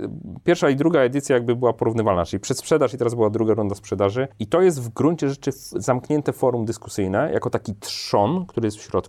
Do tego są e, Na jakim narzędziu to robicie tę dyskusję? InVision Community, jako y, software forumowy. No, to, to mocno skustomizowane, ale jakby to jest, to jest to. Do tego jeszcze jest, i to jest jakby fundament, to jest taki trzon, ale tak naprawdę to jest zestaw usług dodatkowych, nazwijmy to. Live'y cykliczne, y, gdzie rzeczywiście dzielę się wiedzą, nie tylko ja, ale też zaproszone osoby i to tak do spodu. Znaczy tak jak sobie potrafisz wyobrazić, tam Duża skojarzysz moje podcasty, czy artykuły. grupa. Tak, i y, jakby zero filtra. Znaczy w tym sensie, że tam nie ma już ograniczeń tych takich, że wiesz, publikujesz coś w internecie i za chwilę nie wiadomo, kto się do tych informacji dobierze i jak co je wykorzysta zrobi? przeciwko tobie ewentualnie, albo co z tym zrobi, nie? Więc tam jest, przez to, że to jest zamknięte, 100% szczerości. Zasada numer jeden na forum w ogóle jest taka, że y, każdy jest identyfikowany z imienia i nazwiska. Czyli wchodzisz, wiedząc, że tak będzie. Jak ci to nie pasuje, to dziękujemy, do widzenia, oddaję pieniądze. Ale jak już jesteś w środku, to komunikujemy się imieniem, nazwiskiem, każdy jest Nie ma rozpoznawalny. anonimowości. Nie ma żadnej anonimowości.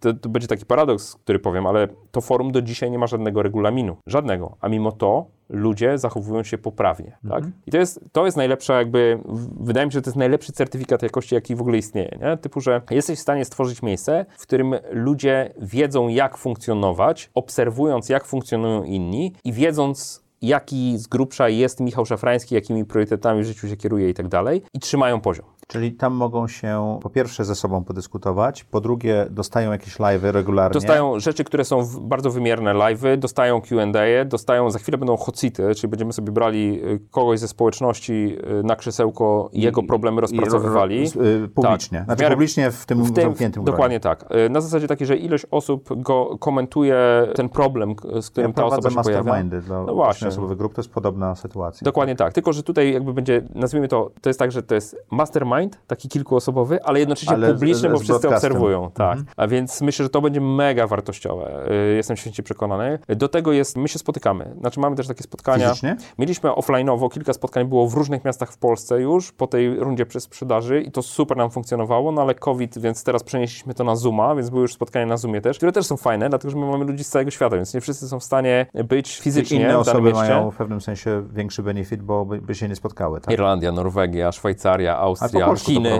Tak, tak, bo to są Polacy, Mhm. którzy są gdzieś tam rozsiani po świecie. I, I wiesz, po prostu rozmawiamy. I zaczęło się od takiej bardzo prostej formuły, że każdy się tam przedstawia w paru słowach i mówi w ogóle, dlaczego tu jest. No ale to się przeradza w dyskusję, no bo wiesz, ludzie robią tak niesamowicie ciekawe rzeczy. Śmieję się, bo na Czyli nie musisz tego moderować, to w pewnym sensie samo się moderuje. To się tak? samo moderuje, to się samo moderuje. Ja mam też y, na przykład taki przykład podam, że wiesz, mamy ludzi o niesamowitych profesjach. Wczoraj czytałem, ktoś się przedstawiał na forum i napisał, że jest y, specjalistą od chłodzenia i to jeszcze konkretnego chłodzenia, gdzieś tam amoniak stosowany, wiesz, w preparatach chłodniczych, czy coś tam, jakaś procedura. E, No i optymalizuje chłodnie, wiesz, no, jakby w różnych branżach.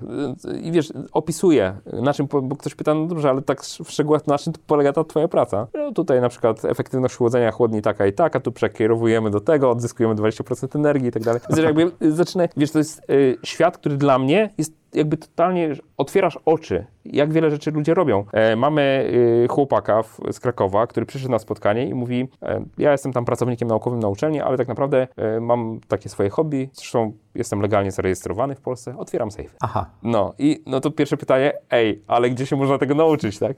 No i wiesz, i, i, i, i zderzasz się z takimi osobami, które bardzo różne rzeczy robią, czasami jako przedsiębiorcy, czasami jako zatrudnieni gdzieś Ale tam przyszli indziej. dlatego, że Przyszli- plan finansowego Ninja, książka są dla nich... Y, y, Szukają, ja to mówię, tak to definiuję i ludzie, to, ta definicja wynika też z tego, co ludzie mówią. Y, Szukają bratnich dusz. To jest trochę tak, że nie chcesz się rozwijać. o content i treść, tylko o y, spo, podobny sposób myślenia. Myślę, że tak, wiesz, że jakby takie podejście do życia też, nie? Na zasadzie takiej, że Mhm. okej, um, być może jestem w takim miejscu, że chciałbym pójść ten krok dalej, ja nie szczególnie wiem jak, zderzę się z innymi. To nawet nie chodzi o to, że będę od nich czerpał. Trochę chcę dawać sam, trochę chcę czerpać, Mhm. ale zderzę się z innymi i zobaczymy, co nam z tego wyniknie.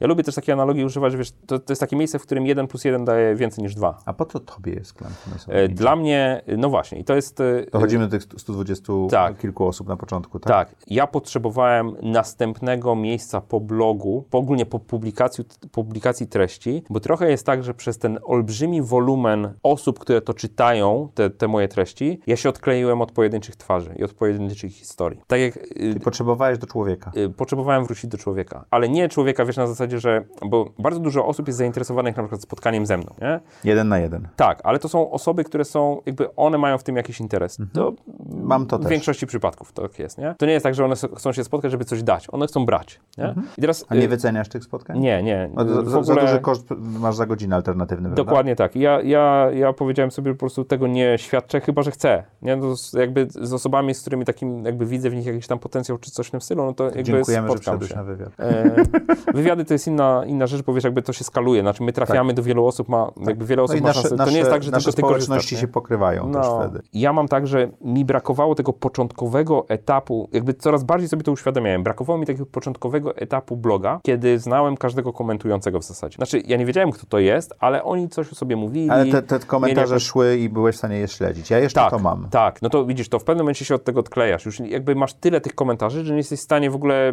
nie wiesz, kto to jest. Czy to jest w ogóle, czy osoba, która komentuje, to jest osoba, którą powinieneś traktować serio, czy nie. Czy ona tylko raz wskoczyła i coś tam powiedziała? Ale to nawet y, to jest jedno, a drugie to na przykład ta osoba coś mówi, e, Mhm. ma jakiś argu, używa jakiegoś argumentu. I teraz, czy to mówi osoba, która ma rzeczywiste doświadczenie w tym obszarze, co do którego komentuje, czy, czy po prostu należy to zignorować, bo to jest szum. I, i, ja wiem, że to może brzmieć tak dla tych oglądających osób No, ale bardzo momencie, ale w deprecjonująco. pewnym momencie tak ilość rzeczy, które wpada do skrzynki, To się ja, robi ja już szum. nie jestem w stanie obrobić Tak. Messengera, LinkedIna i wiesz, po prostu... Ale widzisz, ja te media wyłączam. Ja na przykład y, na Messengerze nie zaglądam do skrzynki inne. To znaczy moi znajomi mogą do mnie pisać, ale do innych nie zaglądam. Ludzie do mnie piszą, ja tam nie zaglądam. Na Mhm. Ja LinkedInie żadnej komunikacji praktycznie nie prowadzę. Na, był kiedyś na fanpage'u na Facebooku była możliwość wysyłania komunikatów, wyłączyłem to, jakby żeby ludzie nie wysyłali komunikatów. Te media traktuję wyłącznie jako tubę, gdzie ja komunikuję, ja nie prowadzę dialogu w tych mediach. To jak do ciebie dotrzeć najlepiej? Jeżeli... Mail. I to mówię zupełnie poważnie, bo ja maile wszystkie czytam, nie na wszystkie odpowiadam, ale wszystkie czytam, z tym nie mam problemu. I, no i albo być w klanie, nie? W sensie takim, Okej. klan jest dla mnie dzisiaj takim właśnie, to jest dla mnie ta przestrzeń, gdzie są te osoby, Czy ograniczysz liczbę, wielkość klanu?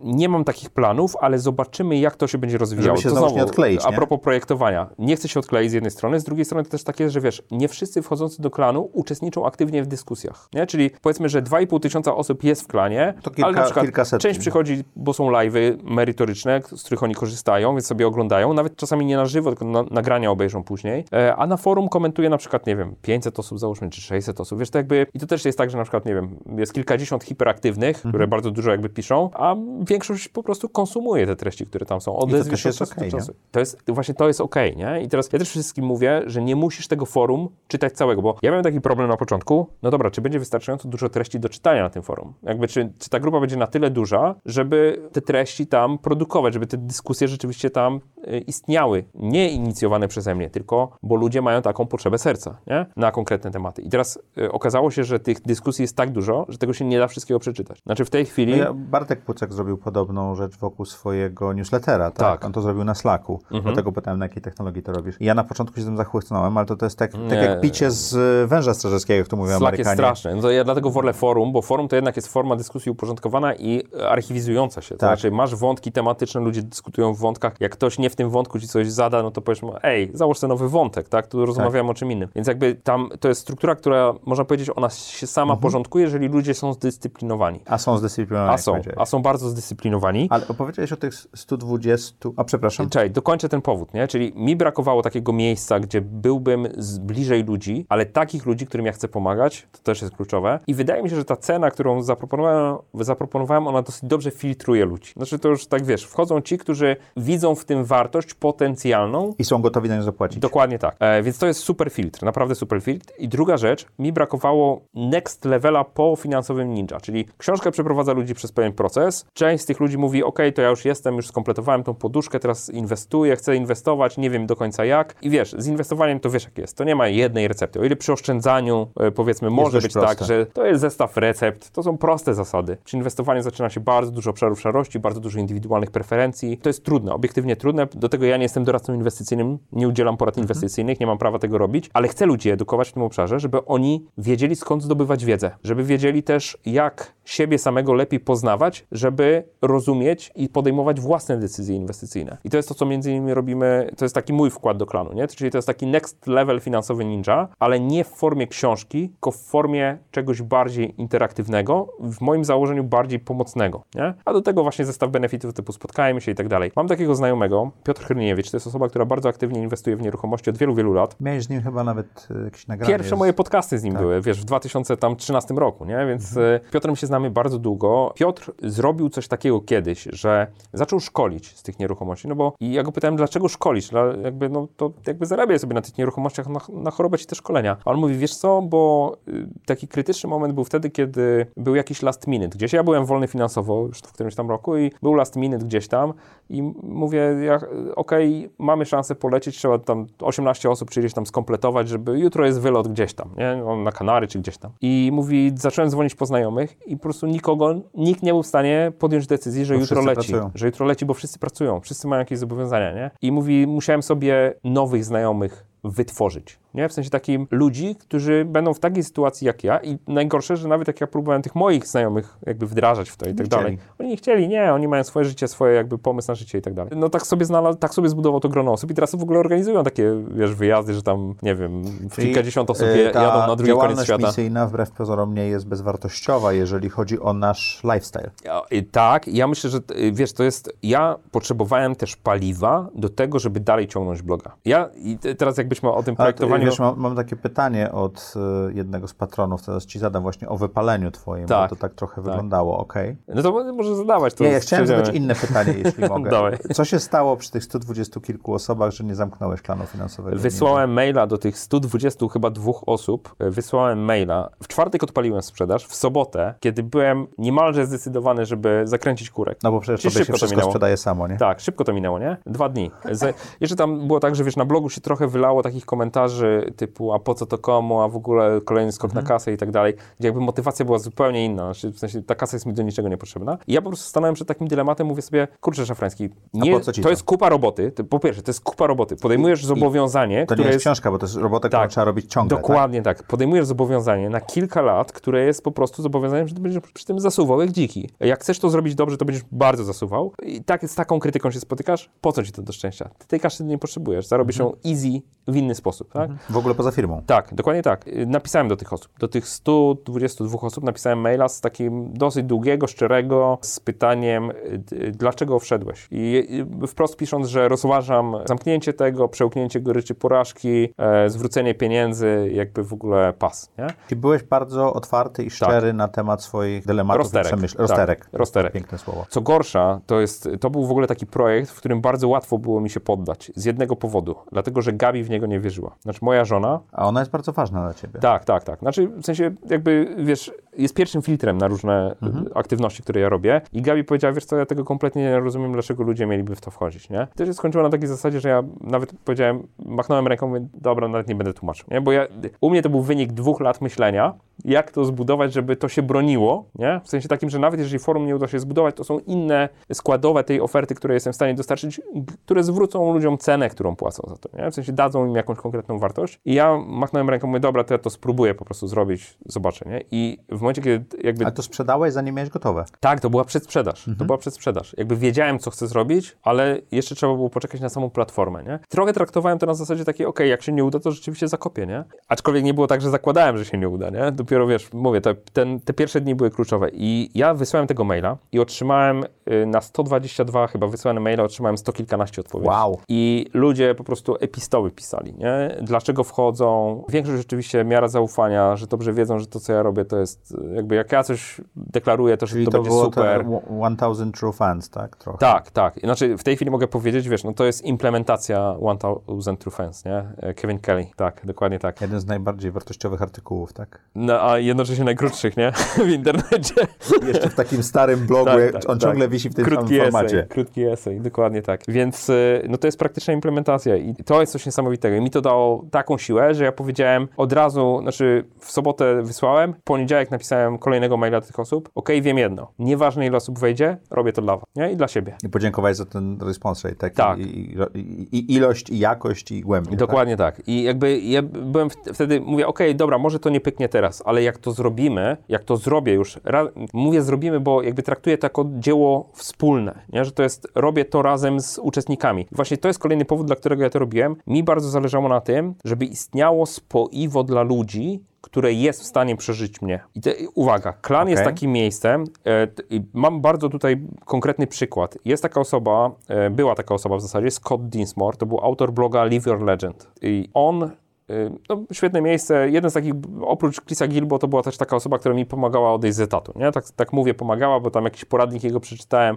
jak odejść intratnie z pracy, w sensie jak sobie wynegocjować najlepsze warunki mhm. odejścia. Oczywiście nieaplikowalne w Polsce, bo to warunki amerykańskie, ale jakby sporo takich typów, jakby sposobu myślenia też o, o tym, jak to wszystko ładnie zakończyć. Nie? Scott prowadził tego bloga. Scott był takim orędownikiem wykonywania pracy, którą lubisz, która jest super i tak dalej, a nie zamęczania się w mhm. pracy, wykonywania czegoś, czego nie lubisz. I Scott ruszył w podróż dookoła świata ze swoją żoną, gdzieś tam w górach byli i spadł, zginął. I blog został bez niego, ale on za swojego życia zrobił coś takiego, że zrobił takie lokalne spotkania w Stanach i nie tylko w Stanach, bo gdzieś tam w Holandii się też I odbywały. One I one, one przetrwały jego, nie? Takie lokalne chaptery tego Live Your Legend. Później ta jego żona, oczywiście żałoba i tak dalej, ale mniej więcej w ciągu półtora roku reaktywowała całą tą ideę tego bloga i robi to już po swojemu, robi to od, już od wielu lat. Inaczej, ale Tak, inaczej, żyje. ale to nadal żyje. Ta żona też mówiła, że ta wspólnota tych ludzi to było coś takiego, co pomogło jej to kontynuować. Osobiście. Tak, tak. Jakby, no, jakby przetrwała ten najtrudniejszy czas, nie? Po śmierci męża. Więc wiesz, z mojej perspektywy to jest też super, e, bo to jest taki przykład. Ja, najgorsze, co się może wydarzyć ze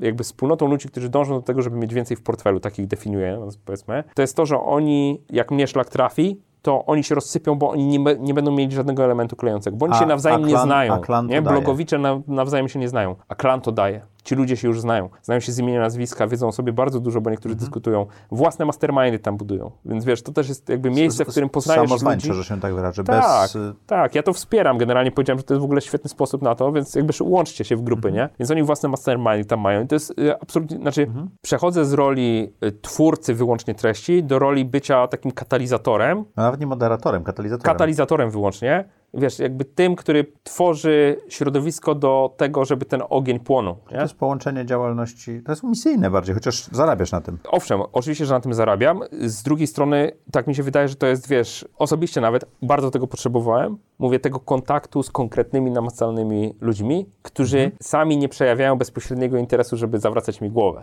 Wiesz co, Michał Szopa, Mhm. nasz patron, zadał takie pytanie, co dalej, że twoja działalność trochę przycichła. Mhm. e, To jest świadome, tak. To było świadome. Tak, znaczy to jest odpowiedź na to, co się dzieje ze mną. To znaczy, to jest też tak, że ja jestem gościem, który w ogóle dwa lata temu na spotkaniu we Wrocławiu, dygresja będzie, ale to na temat, na spotkaniu we Wrocławiu jedna ręka się podniosła, wstał chłopak i mówi, Michał, to powiedz, y, jaki jest następny etap w twoim życiu po blogu? A ja mówię, a dlaczego pytasz? Bo gdzieś tam napisałeś, że u ciebie to tak w cyklach dziesięcioletnich mniej więcej, nie? Że A, ale praca... zbliżamy się do 10 lat, Tak, tak? praca w y, dziennikarstwie 10 lat, praca w IT 10 lat. No i teraz blog 2012, no już mamy 2021, nie? To co będzie po? Ja mówię, wiesz, nie wiem. Znaczy w sensie nigdy nie planowałem, co będzie po, to Ale przychodzi samo. wydarzało. To przychodzi samo. Ja od zawsze mówię, ludzie w to totalnie nie wierzą, ale ja od zawsze mówię, że jestem leniem z natury. Ja wszystko, co robię, robię z lenistwa. I to, że ja tak za, za pieprzam brzydkiego słowa użyję, Podpisałeś 30 Wynika- tysięcy, 30 tysięcy tak, książek ale to lenistwa. wynika, to wynika z lenistwa. Znaczy mnie niektóre rzeczy rajcują. Znaczy jak masz do podpisania 30 tysięcy książek, to to jest challenge. Czy tam 10 tysięcy książek, nieważne ile. Jak masz tyle do podpisania, to jest challenge, nie? Co ja wtedy robię? Ja włączam stoper i mierzę sobie ile podpisuję na godzinę, chociaż nigdzie nie publikuję tego. Ale robię to dla siebie, bo dla mnie to jest challenge, nie? I wiesz... Niektórzy się ścigają i Ja się ścigam sam z sobą. Rozumiem, Wiesz, rozumiem. chodzi, nie? Ja uwielbiam się ścigać sam sobą, ale niektóre rzeczy po prostu to są tak, nowe rzeczy przychodzą, stare Proponu- rzeczy. Proponuję golfa. To jest sport, w którym się ścigasz tylko i wyłącznie sam ze sobą. Powiem ci tak, ja miałem epizod z golfem kiedyś i mnie nie wciągnęło, nie?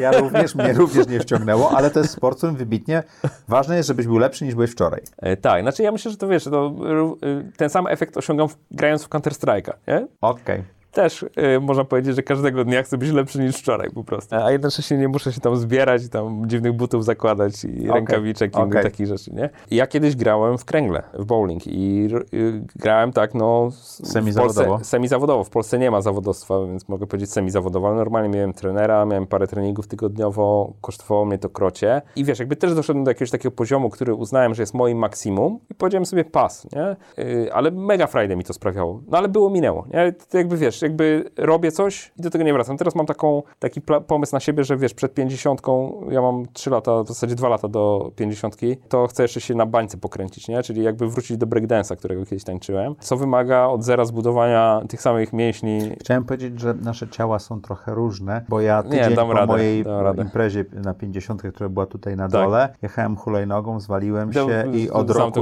od roku się zbieram, tak? Tak, I jeszcze, i jeszcze nie mogę do końca zrobić tych samych ruchów. Słuchaj, ja nie, nie- no, Więc ja wiadomo, że nie zrobię tego nogą, dzisiaj, tak? tak? tylko z, z breakdance'em, żeby ta, ta, ta część break, czyli złamana, nie zadziałała. Nie, nie, no ja, ja kiedyś ostro, że tak powiem, uprawiałem tę Wiem. dyscyplinę i nadal mam ją w sercu i nadal sobie od czasu do czasu różne rzeczy robię w, bez jakichś tam złożonych e, figur, e, nazwijmy Mhm. to. E, no ale jakby wiem, kto trenuję Czyli na ludzi. twojej 50 będzie twój występ? Nie, nie, to nie mam ambicji, żeby To jest dla występować. siebie. Tak, to jest dla siebie. Jakby chcę sobie, że tak powiem, sprawia mi to Friday. I teraz Słuchaj, tak. robię rzeczy, które mi sprawiają Friday. Teraz wracając do tego pytania. Generalnie tak, ja sobie daję więcej luzu. Daję sobie bardzo dużo luzu, jeżeli chodzi o bloga. I podcast też, zauważ, że podcastu też już od jakiegoś czasu nie ma. Wypadłem kompletnie z reżimu produkowania treści. Trochę jest tak, że ja w tej chwili jestem w klanie i tam jestem dosyć mocno. A czy E, część z tych treści z klanu będziesz mógł to potem wyrzucać na zewnątrz? Nawet tak robię w tej chwili, bo na przykład niedawno był taki cykl publikacji o inwestowaniu w ETF-y. On wynikał z tego, co robiłem w klanie. To znaczy tam to zainteresowanie było ze strony klanowiczów, więc przygotowałem live na ten temat, pewne analizy przygotowałem i później się nimi też dzieliłem na blogu, nie? Więc jakby ja zaryzykowałem od początku taką tezę, że klan jest ostatnim ratunkiem dla bloga, w sensie takim, żeby mi się chciało jeszcze bloga robić. Y, Ratunkiem dla bloga w sensie twojej motywacji, Motywacji, i, motywacji. i jakości tego, co będziesz produkował. Tak, znaczy myślę, y, umówmy Częstotliwości. się. Częstotliwości, tak. Umówmy. Jeżeli chodzi o jakość, to jeżeli już coś publikuję na blogu, to staram się, żeby to było dobrej jakości. Częstotliwości. Tak, ale częstotliwości tak. Czy tego będzie y, tyle, co było kiedyś? Nie, absolutnie nie. Już nigdy do tego nie wrócę. Nie wrócę do dwóch artykułów tygodniowo, to żeby nie wiem, co się działo. Ale czy masz taką potrzebę? Tam jest dużo treści, które są, Są ponadczasowe. uniwersalne, nie? Tak, są ponadczasowe, ale chciałbym, wiesz, takie dwa jakościowe materiały miesięcznie publikować, nie? Mhm. I to jest, wydaje mi się, że to będzie w zupełności wystarczające, jeżeli chodzi o pewne utrzymanie Ale nie publikowałeś czytelnictwa tak bloga? Czy ja wiem? Jak sobie tak spojrzymy, ile Masz było wpisów przez cały rok zeszły, może nie było regularności, Okej. ale jeżeli mówimy Okej. o liczbę Średnio. wpisów, to tak, bo ja mam takie okresy, że wiesz, jest miesiąc taki, że się skupiam na tym, więc tam powstanie ileś tam wpisów, a później jest tak, że tam trzy tygodnie przerwy i nic nie ma, nie? Więc y, no, tak myślę sobie, że to jest ten kierunek, także ci wszyscy, którzy mówią, ten blog się zmienił, Michał się zmienił, szkoda i tak dalej, to mają rację, znaczy w sensie, no to jakby cały czas żyjemy w takiej rzeczywistości, Ale która się zmienia. przystąpić do klanu i zobaczyć, Tak, co ale też, żyje. też nie chciałbym y, jakby traktować klanu jako taką alternatywę dla bloga. Znaczy w sensie takim, jest to jest, innego, to jest, zupełnie co, to jest zupełnie co innego. Po prostu trzeba się trochę pogodzić z tym, że tych treści na blogu będzie mniej, Mhm. co nie znaczy, że ich nie będzie. Będzie, ale ja mam taką komfortową sytuację w życiu w tej chwili, że staram się robić te rzeczy, które mi sprawiają Friday, jeżeli mi coś przeszkadza. Na przykład ostatnio mi się bardzo ciężko pisało i klan dla mnie był też pomocą, bo klan przez to, że zdejmuje ze mnie taką ciężar takiej odpowiedzialności, że to właśnie zostaje po wsze czasy w internecie i tak dalej, to wiesz, nie wiadomo kto to czyta, więc musisz zadbać o to, żeby ten kontekst tam zarysować, żeby było wiadomo, jaką ta treść jest, jakieś tam disclaimery i tak dalej, to w klanie tego nie mam, nie? I po prostu w, w, klanie po prostu, w klanie po prostu siadam do pisania i czasami sam się łapię, kurde, ja już to piszę godzinę. Ale nie? piszesz w community, nie piszesz jako Tak, tak post. piszę post taki, nie? W sensie na forum na przykład. I mówię, ja już to piszę godzinę. O kurczę, ile to ma znaków? Tyle. To by, był, byłby artykuł na bloga, nie? Ale jakby mam zupełnie inne obciążenie emocjonalne z tym związane. Znaczy brak tego obciążenia Masz emocjonalnego. łatwość w pisaniu. Tak. Ale prawdopodobnie miałeś tą samą łatwość w pisaniu na początku. Na nie, początku, bo nie miałeś, a później już nie. Nie, wiesz, nie, nie wiesz, było rozumiałeś poziomu i wpływu, impaktu, Tak.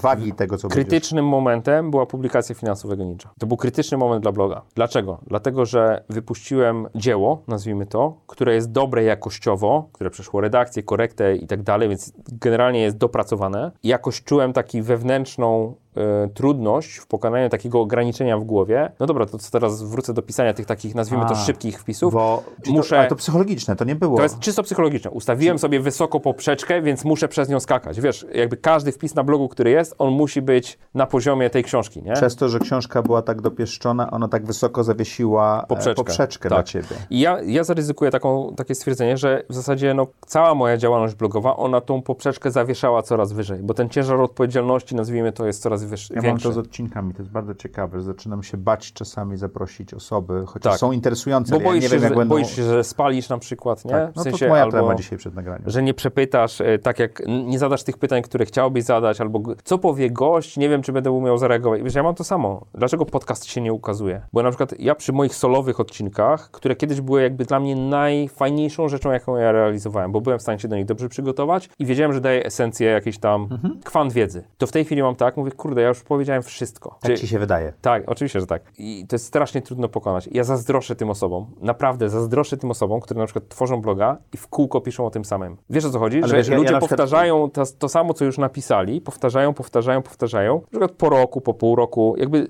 znowu artykuł, ale dokładnie na ten sam temat. I ja mówię, gościu, ja cię śledzę, ty to pisałeś już, nie? To jest dokładnie to samo. Ale ktoś inny może czytać. Tak, dokładnie tak, nie? I wiesz, ja tego nie potrafię przejść Ja sobie, nie? wybrałem e, ten format z bardzo prostej przyczyny, bo ja stwierdziłem, stwierdziłem, że ja po 5, 7, 10 odcinkach nie będę miał nic do powiedzenia. I w sumie nagrałem 3 czy 4 solowe odcinki nie ciągnie mnie do tego. A mnie ciągnie do tych solowych. Nie, nie, nie. Mnie ciągnie. Tak, ale ty sobie spisujesz tekst, czytasz z promptera i tak dalej. Ja jestem bardziej improwizującą osobą. Tak. Więc to jest dobre w rozmowie, ale tak jak właśnie masz w klanie. Tak, nie tak. działa dokładnie tak, jak robisz solo, bo musisz Wiem, wiem, wiem, wiem, wiem, Ja nie wyobrażam sobie Znaczy, czytania. wiesz, ja czasami sobie piszę tylko bulety i do nich tam jadę, nie? Tak. Ale to, y, no, y, mam olbrzymią blokadę. I teraz jakbyś mnie zapytał właśnie, gdzie są te blokady w moim biznesie, to widzisz, przez to, że ja mam blokady dziś, ja, mój biznes polega na tworzeniu treści. Co by nie mówić, on polega na tworzeniu treści. Jeżeli ja mam w sobie tak olbrzymie blokady związane z tworzeniem treści, to weź mi jeszcze dorzuć, nie wiem, dwóch pracowników, którzy mnie będą cisnęli, będą sumienni i będą mnie cisnęli z Pytanie, czy terminami innymi będą ciśnęli, czy motywowali. Y, my mamy kole z zespołem. Proszę, opowiem ci tą Śmiało. historię. My mamy kole z zespołem e, raz w tygodniu. I ja pamiętam, że jak wróciłem z pogrzebu ojca, to było z tydzień po pogrzebie, czy coś takiego, ja byłem totalnie... Rozsypany. Ja byłem zaskoczony, jak bardzo byłem rozsypany, nie? No bo to nie było... To był COVID, ale to też nie było zaskoczenie. Ale weszliśmy na call i ja, ja płakałem ze śmiechu. Myśmy, bo mamy taką atmosferę. Naszą pierwszą wartością, zasadą jest ma być fajnie. Drugą mamy z Ale tego zobacz. godnie żyć. Ty mówisz zespół, nie? A, ja, zespół mówię, to na- na- a, ja mam, a ja mam takich znajomych, No. z którymi odbywam regularne rozmowy. Czytaj, mi, mi ta motywacja, czy oderwanie, czy, Ja czy, też, czy, nawet motywacja do pracy, Możesz ja ją czerpię ze spotkań Okej. z innymi. Ja, wiesz, mamy swój mastermind od lat. E, Michał Śliwiński z Nozbi, Marek Jankowski z mojej wielkiej firmy, Bartek Popiel z Od was się, wynik. od swojego podcastu nauczyłem się, jak działa mastermind. Okej, i my to, my to ciągniemy od lat. Co piątek się spotykamy, no tam czasami co piątek, czasami co dwa piątki, nie? Spotykamy się i gadamy ze Wirtualnie. sobą. Tak, tak. No, na Zoomie, bo Mhm. jakby każdy jest z nas w innej lokalizacji w ogóle, więc to wiesz, to nikt nie jest, ja jestem Mhm. tylko z Warszawy, nie? Mm, I to jest, wiesz, to jest jeden mastermind, drugi mam z Krzyśkiem Bartnikiem, szefem mojego, mojej logistyki. My jesteśmy dobrzy fąfle, ze sobą gadamy bardzo często. I wiesz, jakby my się, ja stąd czerpię, ja, ja tam zderzam pomysły biznesowe. Wszy- Wszystko, co jakby chcę przegadać z kimś, to tam zderzam. I Więc się- ja nie potrzebuję... A heheszki masz? Dobrze Oczy, oczywiście, okej, że tak. okej. Mamy, wszy, znaczy wszystko, wszystko tam mamy, nie? Czyli całą, całą tęczę emocji, tak? Tak, dokładnie tak. Więc jakby to jest, to są, to są ci ludzie, z którymi ja na bieżąco, no i tam jeszcze kilka innych osób, bo to, że tak powiem, to nie jest tak, że tylko w ich gronie się zamykam, nie? Więc jakby to jest ta komunikacja, którą, jakby, która mi załatwia bardzo dużo i biznesowo, i prywatnie, nie? E, więc Okej. ja nie mam potrzeby po, takiej posiadania pracowników, ale y, z, gdybym posiadał współpracowników, to dobrze wiem, że musiałbym dowozić. A ja całe życie walczyłem, uważaj, Żeby nie musieć dowozić. żeby nie musieć dowozić, nie? I, I powiem Ci, to, że rozluźniłem tak reżim, że tych publikacji na blogu nie ma i tak dalej, to po pierwsze musiałem przewalczyć w sobie coś takiego, że ja muszę publikować na blogu, tak? Bo miałem coś takiego, okej, r- wiesz, Ale na początku to jest ważne, żeby, to, żeby odnieść początek sukces. tak, ale ja mówię nawet, wiesz, nawet Mhm. dwa lata temu powiedzmy, nie? To cały czas było coś takiego, wiesz, były duże problemy zdrowotne w rodzinie, które zresztą są, cały czas one się tam maglują i to nie jest łatwa obiektywnie sytuacja Mhm. i mi to ryje beret, no już tak mówiąc kolokwialnie, na, na zasadzie takiej, że naprawdę czasami bardzo trudno jest myśli pozbierać, nie? Jeżeli chodzi o e, taką pracę twórczą, bo to jest najgorsze, że to jest praca twórcza, nie? Jakby to nie jest, że tam poprzekładasz kartki i postemplujesz czy cokolwiek Maker versus manager też jest Tak, dobry tak. essay. No właśnie. E, I ja dobrze wiem, że u mnie na przykład takie planowanie, nawet krótkoterminowe, ono nie zdaje egzaminu w tej chwili, dlatego że bardzo często ja po prostu kompletnie nie potrafię się wziąć do roboty. Wynika Teraz- z sytuacji emocjonalnej w domu i tak dalej. Tak, tak, tak.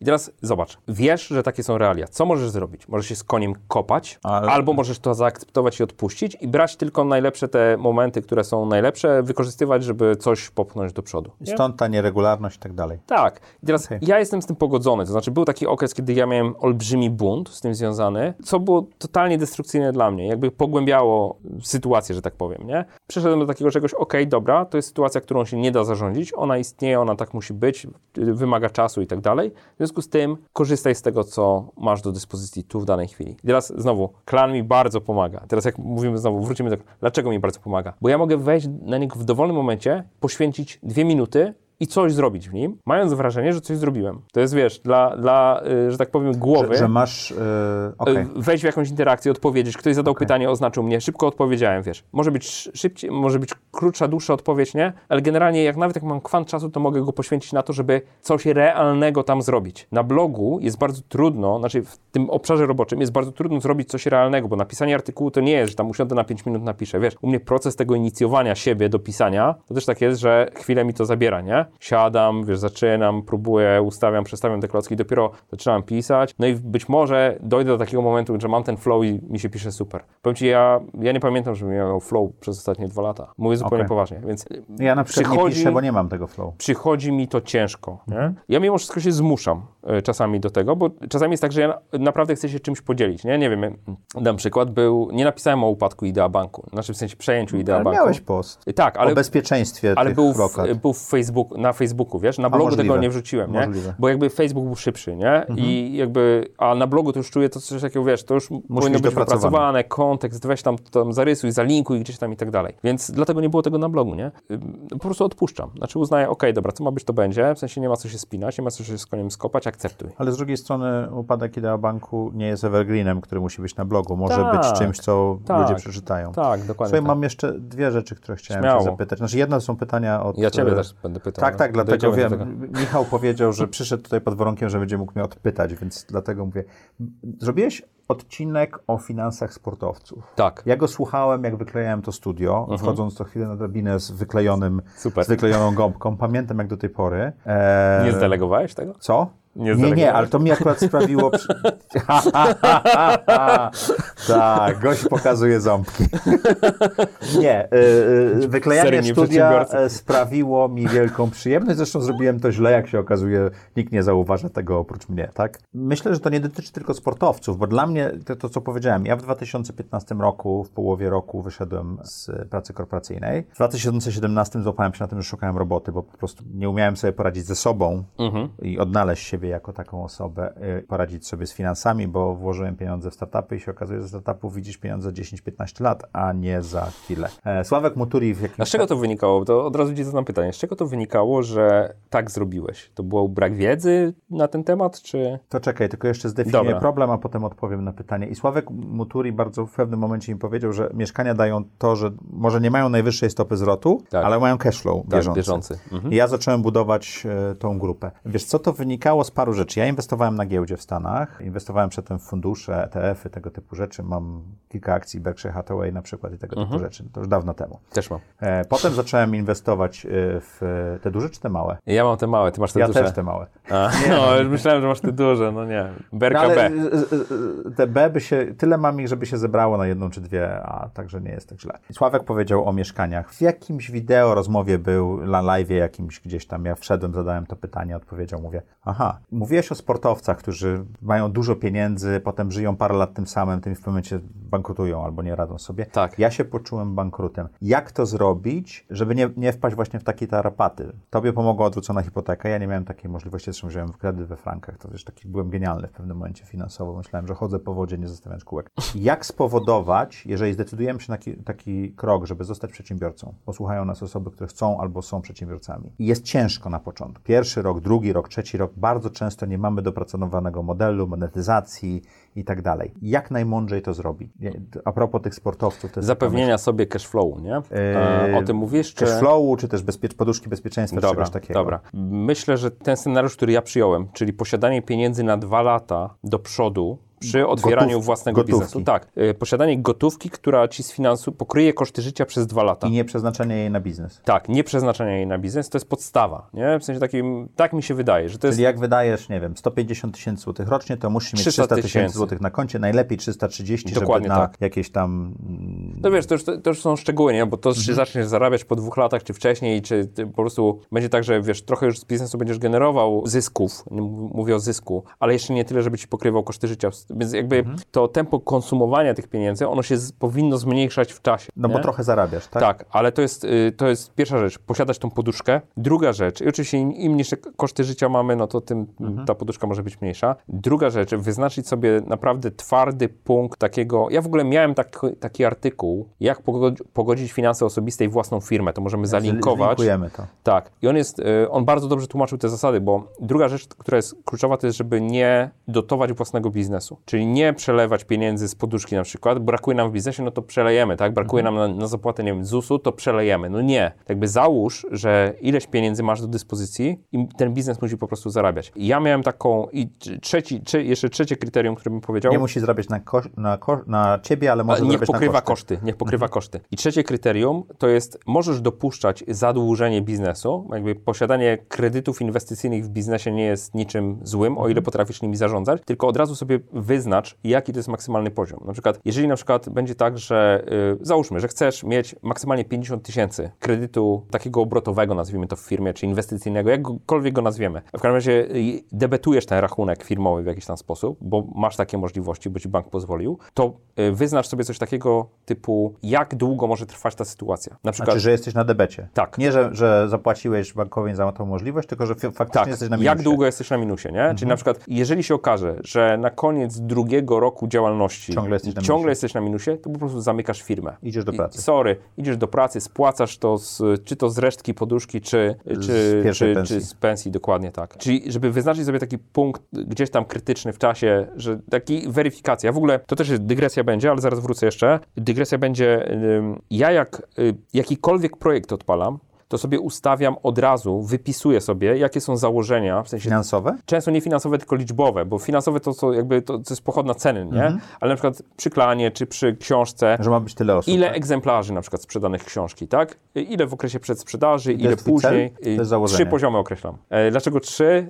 Pierwszy to jest taki, żeby zawsze był zrealizowany, to jest taki naprawdę minimum, minimum, które wiem, że Ile było przy finansowym ninja? ja w ogóle zakładałem przy finansowym Ninja, że w e, okresie przedsprzedaży taka w pełni satysfakcjonujący poziom to jest 2000 egzemplarzy w pierwszym miesiącu, 2000 egzemplarzy w drugim miesiącu, A czyli wydrukowałeś 4, 10 tysięcy, tak? Y, W ogóle zamówienie na to, ile drukuję, składałem już po rozpoczęciu przedsprzedaży, więc można powiedzieć wywidne, nie? Mhm. Po 7 dniach przed- przedsprzedaży, więc wiedziałem, że ja podwyższyłem chyba do 12 tysięcy Mhm. ten pierwszy nakład. I że, czyli tak, lipiec, sierpień była przedsprzedaż i że do końca roku, wrzesień, październik, listopad, grudzień, 4 miesiące, sprzedaż jeszcze po 1000 egzemplarzy miesięcznie. Czyli łącznie zakładałem, że sukces książki to jest 7 tysięcy egzemplarzy. Do sfinansowania książki potrzebna mi była sprzedaż około chyba 1500 egzemplarzy. I to tak. zapłaciłoby za druk. Tak, z- jakby Druk, pokryłoby koszty. tak dalej, tak, tak, tak. Więc jakby, y, no to była taka... Taki, Takie widełki Tak, miałeś. między 2000 a 7000 to taki, taki, no, że na koniec roku jak 7000 będzie sprzedane, No, ale na koniec sprzedałeś więcej, drukarnia nawaliła. Zresztą świetnie to opisałeś w przygodach Tak, przedsiębiorców. Polecam ten odcinek. My się bardzo lubimy, się polecamy. Dokładnie tak. Więc ja sobie definiuję takie poziomy po to, żeby nie oszukiwać samego siebie post factum. I ja to zapisuję, mam to zanotowane w notecie. A, czyli masz, przepraszam, notatkę do siebie. Tak, tak. I to są moje notatki, jakich ja wyników oczekuję. I później obiektywnie mogę zweryfikować, czy się pomyliłem, czy nie, czy na korzyść, czy na niekorzyść i też nie oszukuję sam siebie, że na przykład, a wiedziałem, że będzie tak dobrze. Patrzę w notatki i mówię, nie, nie wiedziałem, że będzie tak dobrze. Czyli wszystko, co jest, to jest po prostu z dużą nawiązką sukces. I nie oszukuj siebie szafrański, że to, był, że to było oczywiste, czy coś w tym stylu. Więc ja bardzo dużo mam takich, zresztą jak się czyta zaufanie, to tam jest bardzo skrupulatnie różne rzeczy są opisane. One, to wynika z tego, że ja ręcznie notuję, mam bardzo dużo notesów wypełnionych moimi ręcznymi I notatkami. łatwo ci było tą książkę napisać, bo Tak. po prostu Wszystko mogłeś... mam zanotowane, ja sobie kartkuję, wiesz, i po prostu przepisuję rzeczy, nie? Idziesz dzień po dniu? E, Znaczy, idę chronologicznie, notuję w zasadzie, można powiedzieć, codziennie, ale nie zawsze tak samo obszernie. To też Okej. jest, y, czyli to czasami jest tak, że mam też notesy projektowe, czyli na przykład jak wiem, że coś jest bardzo dużym projektem, to wolę go mieć w oddzielnym notesie. ile masz notesów na raz? Dwa, trzy. Okej. niedużo. To w sensie to nie jest jakaś wielka liczba. Poza tym część rzeczy też notuję elektronicznie, nie? Czyli na przykład tak jak tutaj przychodziłem do Ciebie do rozmowy, Ty wspomniałeś o y, jakie zagadnienia mogą być, sobie już jakieś tam myśli y, zanotowałem po to, żeby mi po prostu to nie uciekło, nie?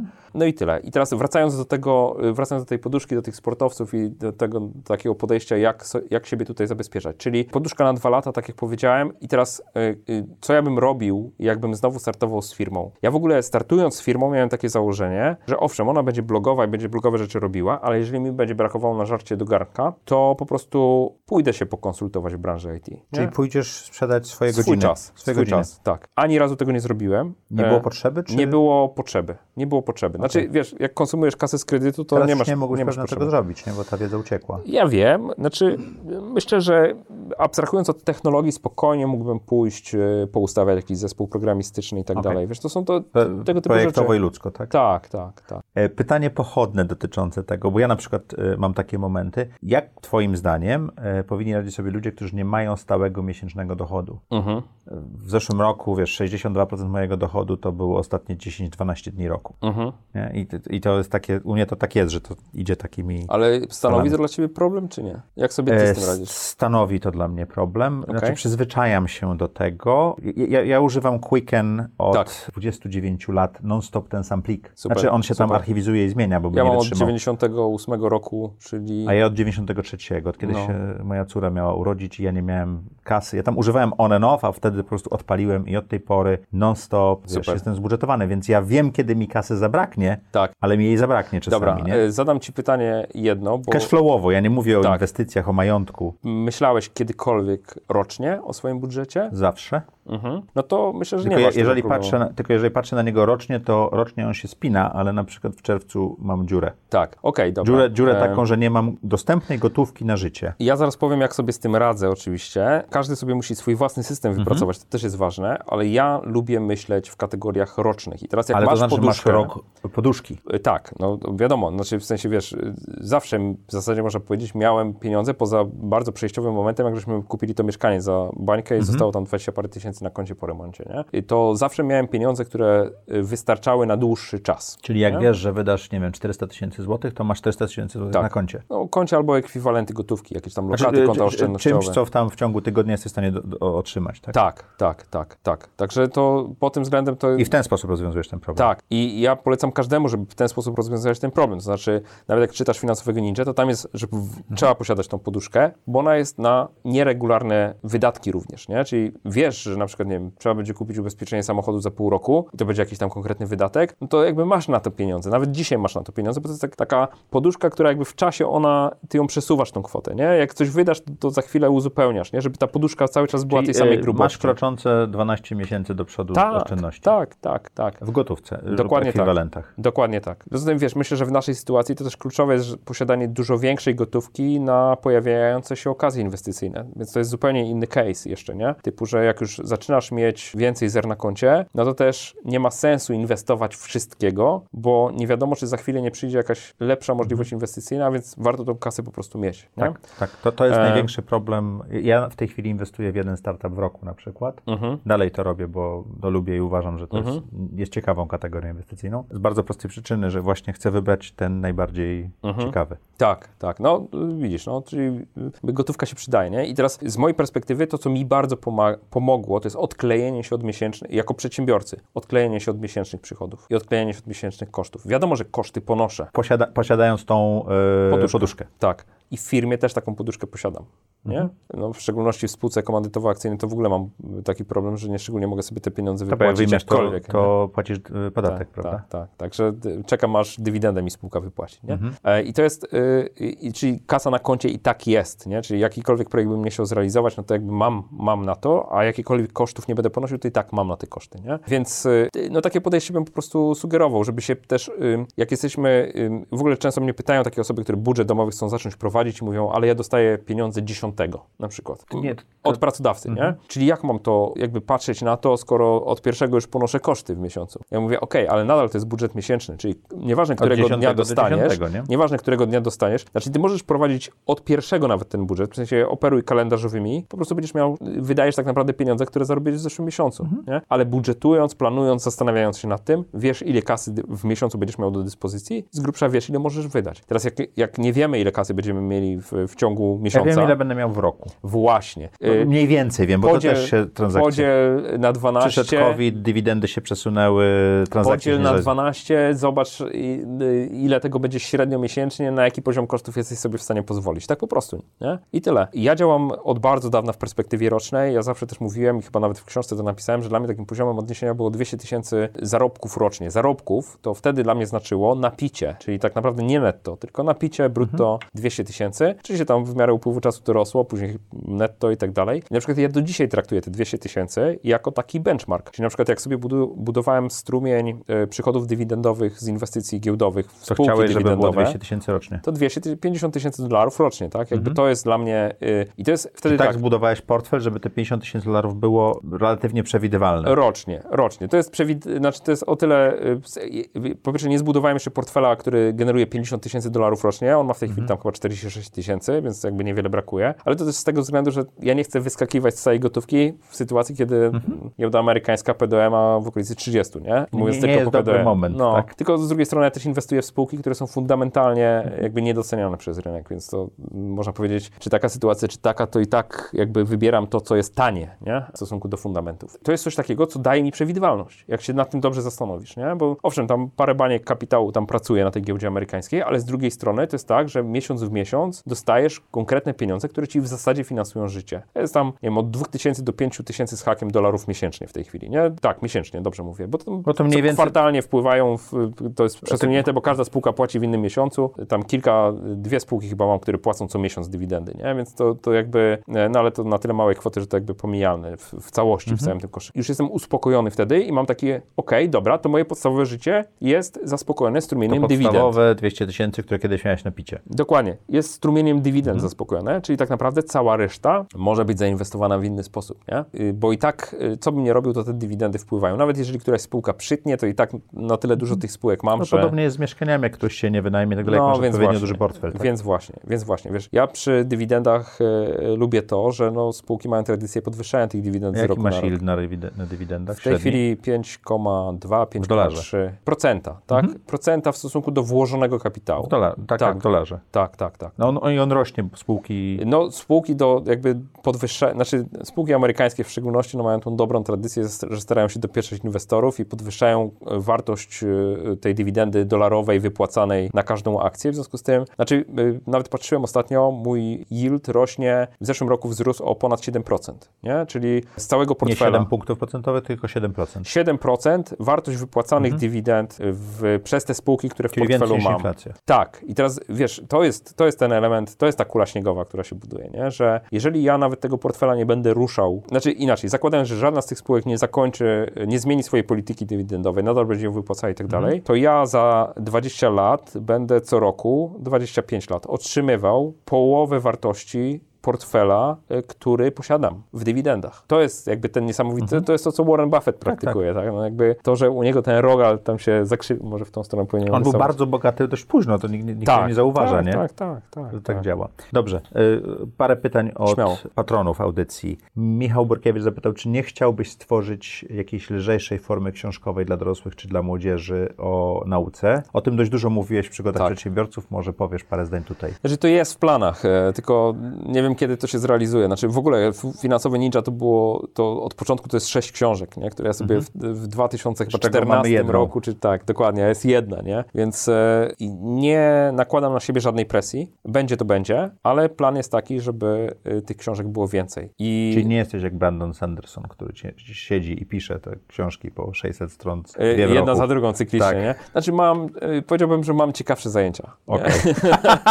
e, y, ale też jest tak, że ja, ja muszę mieć takie wewnętrzne przekonanie, że to jest ten moment, w którym ja jestem, sam siebie upoważniam do napisania tej książki, nie? Czyli to trochę tak jest na przykład, że jeżeli mówimy o książce dla, dla dzieci, ja cały czas zbieram doświadczenia. Jeżeli mówimy o książce dla rodziców, to jest pochodna książki dla dzieci, więc tak, tak samo. Ale, ale bardzo bym chciał, żeby była książka dla dzieci, Finansowy Ninja i książka dla rodziców. I jeszcze, żeby y, parowały się, tak? Tak, tak, tak. No jakby one muszą mhm. ze sobą korespondować, nie? Michał Opoka pytał, bo robisz w tej chwili taką dość e, dużą reklamę e, spółki z południa, czyli Finaxa? Finaxu, mhm. dotyczącą mhm. ETF-ów i mhm. czy to jest jakieś takie ukierunkowanie na ciebie, czy skąd się to bierze? Czy nie tracisz trochę, wręcz pytał, czy nie tracisz trochę wiarygodności robiąc coś okay. takiego? E, znaczy po pierwsze robię to totalnie bezinteresownie, to jest pierwsza rzecz. Tak jak w sensie nikt mi za to nie płaci. Energy i z... Dokładnie tak, dokładnie tak. I z PG Centrum, czyli Lumi, nie? Tak, jestem na Lumi dzięki tobie.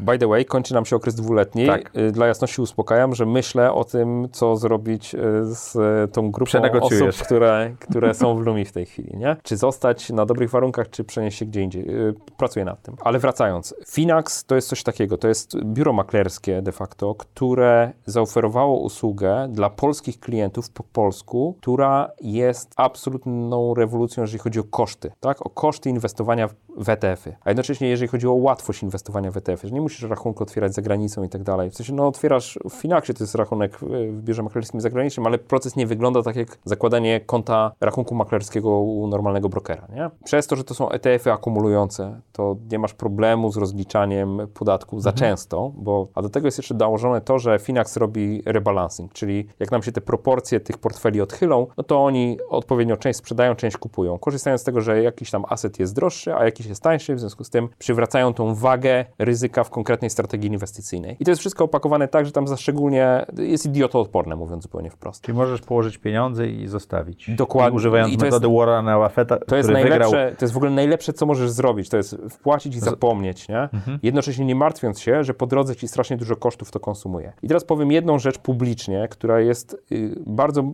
Media w ogóle o tym nie piszą. To jest temat, który trzeba pioruńsko mocno sygnalizować. Zobaczcie, w Polsce mamy y, towarzystwa funduszy inwestycyjnych, które od lat pobierały horrendalne opłaty. Mhm. Najwyższe w ogóle w cywilizowanym świecie opłaty mamy w Polsce. Zostały one teraz y, w zasadzie ustawowo czy zarządczo zredukowane, czyli spadają o tam o pół procenta chyba rocznie w tej chwili. W tym roku już mamy chyba 2% maksymalna opłata, ale przypominam, że były 4% i więcej rocznie za zarządzanie. Jak sobie to podsumujemy, że na przykład 20 lat inwestujemy w y, funduszu inwestycyjnym pobierającym 4% opłaty, to de facto, jeżeli tylko raz wpłacimy pieniądze, oddajemy im 80% wpłaconego kapitału przez cały czas inwestowania. Za co? Za to, że nie pobijają nawet średniej rynkowej, nie pobijają benchmarku. Tak? Czyli to- ETF-y są benchmarkiem. Tak? a ETF-y są benchmarkiem. No to po co przepłacać, skoro można mieć taniej coś, co jest niskokosztowe, nie? I teraz taki paradoks. Te EFI wszystkie w Polsce wystartowały do obsługi programu PPK, tak? W którym średni poziom opłat za zarządzanie, te same TFI, które łoją nas na 4, łoiły, później 3, 2,5 chyba w tej chwili, procenta rocznie, pobierają od chyba 0,16% rocznie I to im się dalej opłaca. do chyba 0,4% rocznie. Średnio wychodzi około 0,25-0,30, coś mi się tak wydaje, 0,30 powiedzmy. 0,3% rocznie versus 2%, które płacą standardowi klienci posiadający pieniądze w funduszach inwestycyjnych. Powiedzmy w tych akcyjnych, tak? No bo tam wiadomo obligacyjne tańsze. Ale teraz ta dysproporcja tej opłaty, tych opłat jest po prostu kolosalna. No i teraz pytanie, kto jest robiony w konia i dlaczego? E, Skoro są w stanie tak tanio obsługiwać, niech obniżają opłaty. I teraz e, ja celowo pomagam Finaxowi zdobyć jak największy kawałek tego rynku, bo Finax po pierwsze bardzo dobrze edukuje rynek. Oni mają świetny blog, świetnie tłumaczą, Czyli to jest twoja ETF-y. działalność misyjna. Tak. Nie... Znaczy, szczerze mówiąc, chcę kopnąć w ten stołek, e, A czy jest przy szansa, którym siedzą że TFI. Finax będzie działał jakoś, wiesz, nie tak i to odbije się na tobie? To jest to Oczywiście, ryzyko? że znaczy, zawsze można założyć, że jest takie ryzyko, aczkolwiek ja to ryzyko dosyć dobrze sobie sam zważyłem. W sensie popatrzyłem, kim jest Finax, zweryfikowałem. To jest normalne biuro maklerskie, takie jak biura maklerskie działające w Polsce. Na Słowacji, jeżeli chodzi o gwarancje dla biur maklerskich, jeżeli chodzi o środki zdeponowane tam, są wyższe niż w Polsce, dla jasności. I to do 100% środków, a nie do 90% tak jak w Polsce. E, oczywiście mówimy o środkach typu gotówka i tak dalej, a jeżeli chodzi o papiery wartościowe, które są przechowywane na kontach klientów, no to tak naprawdę one są, w Polsce mamy KDPW, czyli y, Krajowy Depozyt Papierów Wartościowych, który de facto jak biuro maklerskie upada, to te papiery są przenoszone do innego biura, po prostu one są przypisane do klienta i tak samo działa to na Słowacji. Czyli można powiedzieć w zasadzie, no jakby trudno sobie wyobrazić sytuację, nawet w sytuacji upadku Finaxa, że my tracimy te środki, tak? To nadal jest imiennie przypisane do nas, nie? No fraud ktoś może próbować popełnić, ok, do 50 tysięcy euro te środki są No to gwarantowane. jeszcze tylko kwestia ETF-ów, czy one nie Tak. są w tej chwili bańką samą w sobie, bo stały się bardzo popularne. To jest, to jest długa dyskusja. filozoficzna już Nadal chyba. obrót ETF-ami to jest mniejszość obrotu, który generują e, mutual fundy w Stanach Zjednoczonych, e, to, czyli towarzystwa funduszy inwestycyjnych. Także ja myślę, że spokojnie my, nasze dzieci inwestujące w ETF-y i nasze wnuki inwestujące w ETF-y nie wywrócą tego rynku. Dorota Sajewicz pyta, co cię ograniczało w zmianie w życiu? Powiedziałbym tak, po pierwsze ograniczał mnie strach przed zmianą. Ja ten strach staram się oswajać w, na różne sposoby e, i dosyć skutecznie mi się to udawało. Druga rzecz, która mnie ograniczała, to ograniczało mnie tkwienie w takim, no znowu, kołowrotek, nie? że e, tak zasuwasz i tak jesteś skoncentrowany na tym, co robisz, że nie masz czasu zatrzymać się i zastanowić się nad tym, czy to w ogóle ma sens. Nie? I ja bardzo znaczy bardzo wieloletnie okresy w moim życiu to są okresy takiej pracy, że po prostu nie zastanawiasz się, czy to ma sens, czy nie. Po prostu jakby poddajesz się temu momentum, nie? Zasuwasz dalej. Dobrze. Michał Szopa pytał o co dalej, ale tu już dość, do, dość mocno opisałeś. No tak, no w zasadzie można powiedzieć, że chciałbym... Jak... klan jest jakimś takim Tak. sposobem na co dalej, tak? Klan jest na, sposobem też na zdobywanie energii mojej dla robienia tych rzeczy, które dotychczas robiłem, czyli tam podcast, blog i tak A dalej. energia Wydaje ważną rzeczą jest. Energia jest mega ważną rzeczą. Michale, w audycji Zaprojektuj swoje życie jest zawsze taki moment, kiedy zaczynamy zadawać gościom podobne... Trudne pytania. Trudne pytania. Hashtag tutaj, tak? E, I to jest właśnie ten moment. Czy pamiętasz najlepszą decyzję w swoim życiu? I czy możesz ją opisać? Pierwsza, która mi wpadła do... Druga, która mi wpadła do głowy, a pierwsza, która, która chronologicznie, to jest y, start w turnieju breakdance'a w Warszawie, pamiętam. Otwarte Mistrzostwo Warszawy, cała Polska się zjechała. Ja wystartowałem, to był mój pierwszy występ publiczny wtedy. Ile lat? W liceum. Pamiętam Naście. kiedy. Naście, tak. 16, 17 powiedzmy, tak. Ja byłem generalnie takim dzieciakiem, który był dosyć wyalienowany, chowający się, nieszczególnie tam się wychylający, a to była pierwsza rzecz, która mnie po prostu postawiła, znaczy y, zbenchmarkowała mnie, nie? Że w sensie to, Benchmark nie był zły. tak, to co robiłem, to co robiłem sobie sam po cichu, jakby gdzieś tam u siebie, dążąc do jakiejś tam perfekcji w tym, co robiłem. Przełamałem strach, wystartowałem w ogóle w pożyczonych butach, bo mi się moje rozwaliły, to też było zabawne i, i wygrałem wtedy. I to za tym, poszła, za tym poszło masa kolejnych wydarzeń, to znaczy... Czy podniosło się twoja samoocena? Tak, zdecydowanie. Y, To było coś takiego, że znaczy jakby wiesz, ta, uwierzyłem w to, że to ma sens, nie? Że i to też po latach też to interpretuję jako coś takiego, co pokazało mi, to po latach sobie to uświadomiłem, bo to nie od razu, ale po latach sobie uświadomiłem, że bez względu na to, czy, mam, czy jesteśmy w czymś super, czy średni, to warto próbować, dlatego że czasami jest czas i sposobność do tego, y, te okoliczności są na tyle dobre, że po prostu otrzymujemy nagrodę za to, że podjęliśmy próbę. Że wcale nie jest tak, że ja nie uważam, że byłem najlepszy w kraju, czy coś w tym stylu. Nie. Ale Miałem- podjąłeś próbę. podjąłem próbę, miałem fuksa, bo nie wiem, ktoś, kto był powiedzmy lepszy, nie znałem tych ludzi, więc jakby, ale zakładam, że ci lepsi akurat wtedy nie przyjechali powiedzmy do Warszawy, pomimo, że Albo było mieli masa... gorszy dzień. Albo mieli gorszy dzień, albo nie wiem, jury był potrzebny ktoś z Warszawy, bo wiedzieli, że jestem z Warszawy, bo ja praktycznie natychmiast po tym turnieju otrzymałem też propozycję prowadzenia grupy y, zajęć tanecznych po prostu, nie? Z breka, żeby tam szkolić.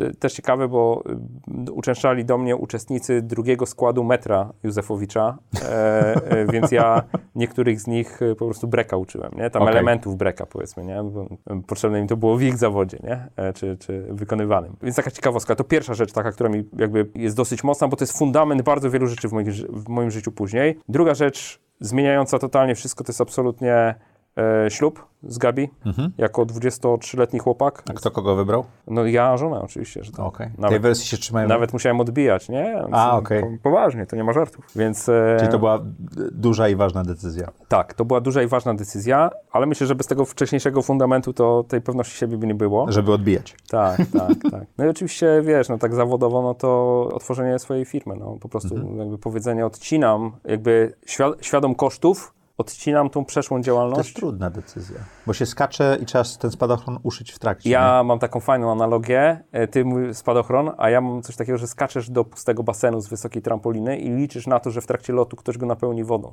nie? Więc to, to podobnie, nie? Tak czy siak się rozbijasz, e, w przypadku niepowodzenia się rozbijasz na dole, no. Dobra. Co daje ci najwięcej energii czy satysfakcji w życiu? Teraz, i myślę, że to do, dobre, dobrze, żeby oceniać to teraz, e, teraz daje mi najwięcej energii to, że widzę, że potrafią realnie skorzystać z tego, co ja dostarczam. Czyli y, na przykład czytelnicy bloga przekuwają to na to, że mają więcej w portfelu. Ale, Okej. ale nie na zasadzie, że oni mi powiedzieli, że to się im przydaje, czy że ktoś mówi, że to jest przydatne, na zasadzie, że widzę, że realnie komuś się poprawiło. I wiesz, ja najbardziej, najwięcej takich przykładów mam w kontekście y, kursu Pokonaj swoje długi, który jest bezpłatny, cały czas dostępny. Kilkadziesiąt tysięcy osób przez to przeszło. I, I pokonało. I bardzo, znaczy nie wiem ile pokonało, ale na pewno wiem o kilkuset osobach, które do mnie napisały, z, że wyszły już całkowicie z długów, bo to jest proces, to też tak jest, że wiesz, on, one zaczynają, ale to trwa latami. I to, no to wtedy wiem, że to, to jakby no, zastosowały to i to rzeczywiście realnie im pomaga, nie? Więc to, to jest, to daje Czyli pomaganie innym. Właśnie nie samo pomaganie, wydaje mi się, tylko Tylko efekt? Y, Tak, obserwowanie efektów. To jak mnie pytasz o to, co mi daje najwięcej Okej. energii, y, można powiedzieć, że ja próbuję pomagać innym cały czas, w, chociażby przez tą moją twórczość, no ale to niekoniecznie widzisz ten efekt. Znaczy w Okej. sensie, ja, to, to jest takie, że to ja daję, ja daję, ja daję, a tego feedbacku on jest od części osób, ale na pewno nie od wszystkich. Ale jak już widzisz konkretnie, że ktoś nie ściemnia, tylko dostał, jakby dostajesz konkret, tak? Zarabiałam y, 2400, trzy razy zmieniłam pracę, teraz zarabiam 9000 złotych i to nie jest absolutnie koniec. Udawa- udało mi się tam wkład własny na dom i tak dalej, i tak dalej, i tak dalej. Więc jakby ludzie ci mówią o tym, co im się udało i uważają, że miałeś w tym swój udział, nie? No bo wcześniej byli nieogarnięci finansowo. No Okej. to, to, to jest efekt konkretny. Opisz swój typowy dzień. Y, tak reaguje bardzo duża część przedsiębiorców, tak? Y, Zabawmy się, zabawmy się. Y, Zacznijmy od roku 2021, od 1 stycznia. Mm, Jakoś tak się dziwnie stało, że 1 kładę... stycznia to był typowy dzień? Poczekaj, poczekaj, poczekaj. Jakby ten rok. Ten rok wygląda tak, że jakbyś średnią, średnią godzinę, o której wstaję, wyciągnął, to jest to pomiędzy pewnie 11.30 a 13. A o której się kładziesz? No, trzecia, czwarta w nocy. Okej. Tylko Counter-Strike? ja mam, y, czasami tak, ale ja nie gram do późna w nocy, ja raczej siedzę w nocy po prostu. Gram y, wieczornymi godzinami, to Okej. znaczy czasami Czyli od 8, giełda? czasami od 9, czasami od 10, ale tak do północy, do pierwszej max, a później sobie siedzę i taki totalnie czas, który nie służy niczemu, wiesz, filmy pooglądam, z żoną porozmawiam, znaczy z żoną porozmawiam, no to całkiem dobry czas, nie? Quality time, ale... Po północy? y, tak, tak, Okej. tak. My się, my się razem kładziemy, razem wstajemy, no więc tak nasze życie się ostatnio jakoś przesunęło dziwnie, ale to też, wiesz, y, Pandemia też dziecko, trochę to ferie, e, więc to też tak sprzyja. I więc jak wstajesz o tej godzinie na przykład 13, tak jak dwa dni temu wstałem o 13, po prostu spojrzałem na zegarek 13, bo ja, ja mam tak, że ja nie ustawiam budzika w ogóle. Budzisz się wtedy, kiedy się budzisz. Budzę się wtedy, kiedy się wyśpię, śpię od 7 do 9 godzin. Czyli tak standardowo jak... Tak, znaczy to organizm sami mówi, nie? Więc jakby, no znowu, doprowadziłem do takiego momentu w swoim życiu, że mogę nie mieć stałych zobowiązań, nie mam ich praktycznie. Je, y, świadomie, jeżeli mam jakieś spotkania, nawet na spotkań offline'owych, to praktycznie nie mam. Na Zoomie, jeżeli jakieś spotkania ustawiam, to tylko późnymi popołudniami. E, w godzinach roboczych, żeby tam ludziom pasowało, ale tak, no nie przed 14, nie? Nagranie zaczęliśmy o 15.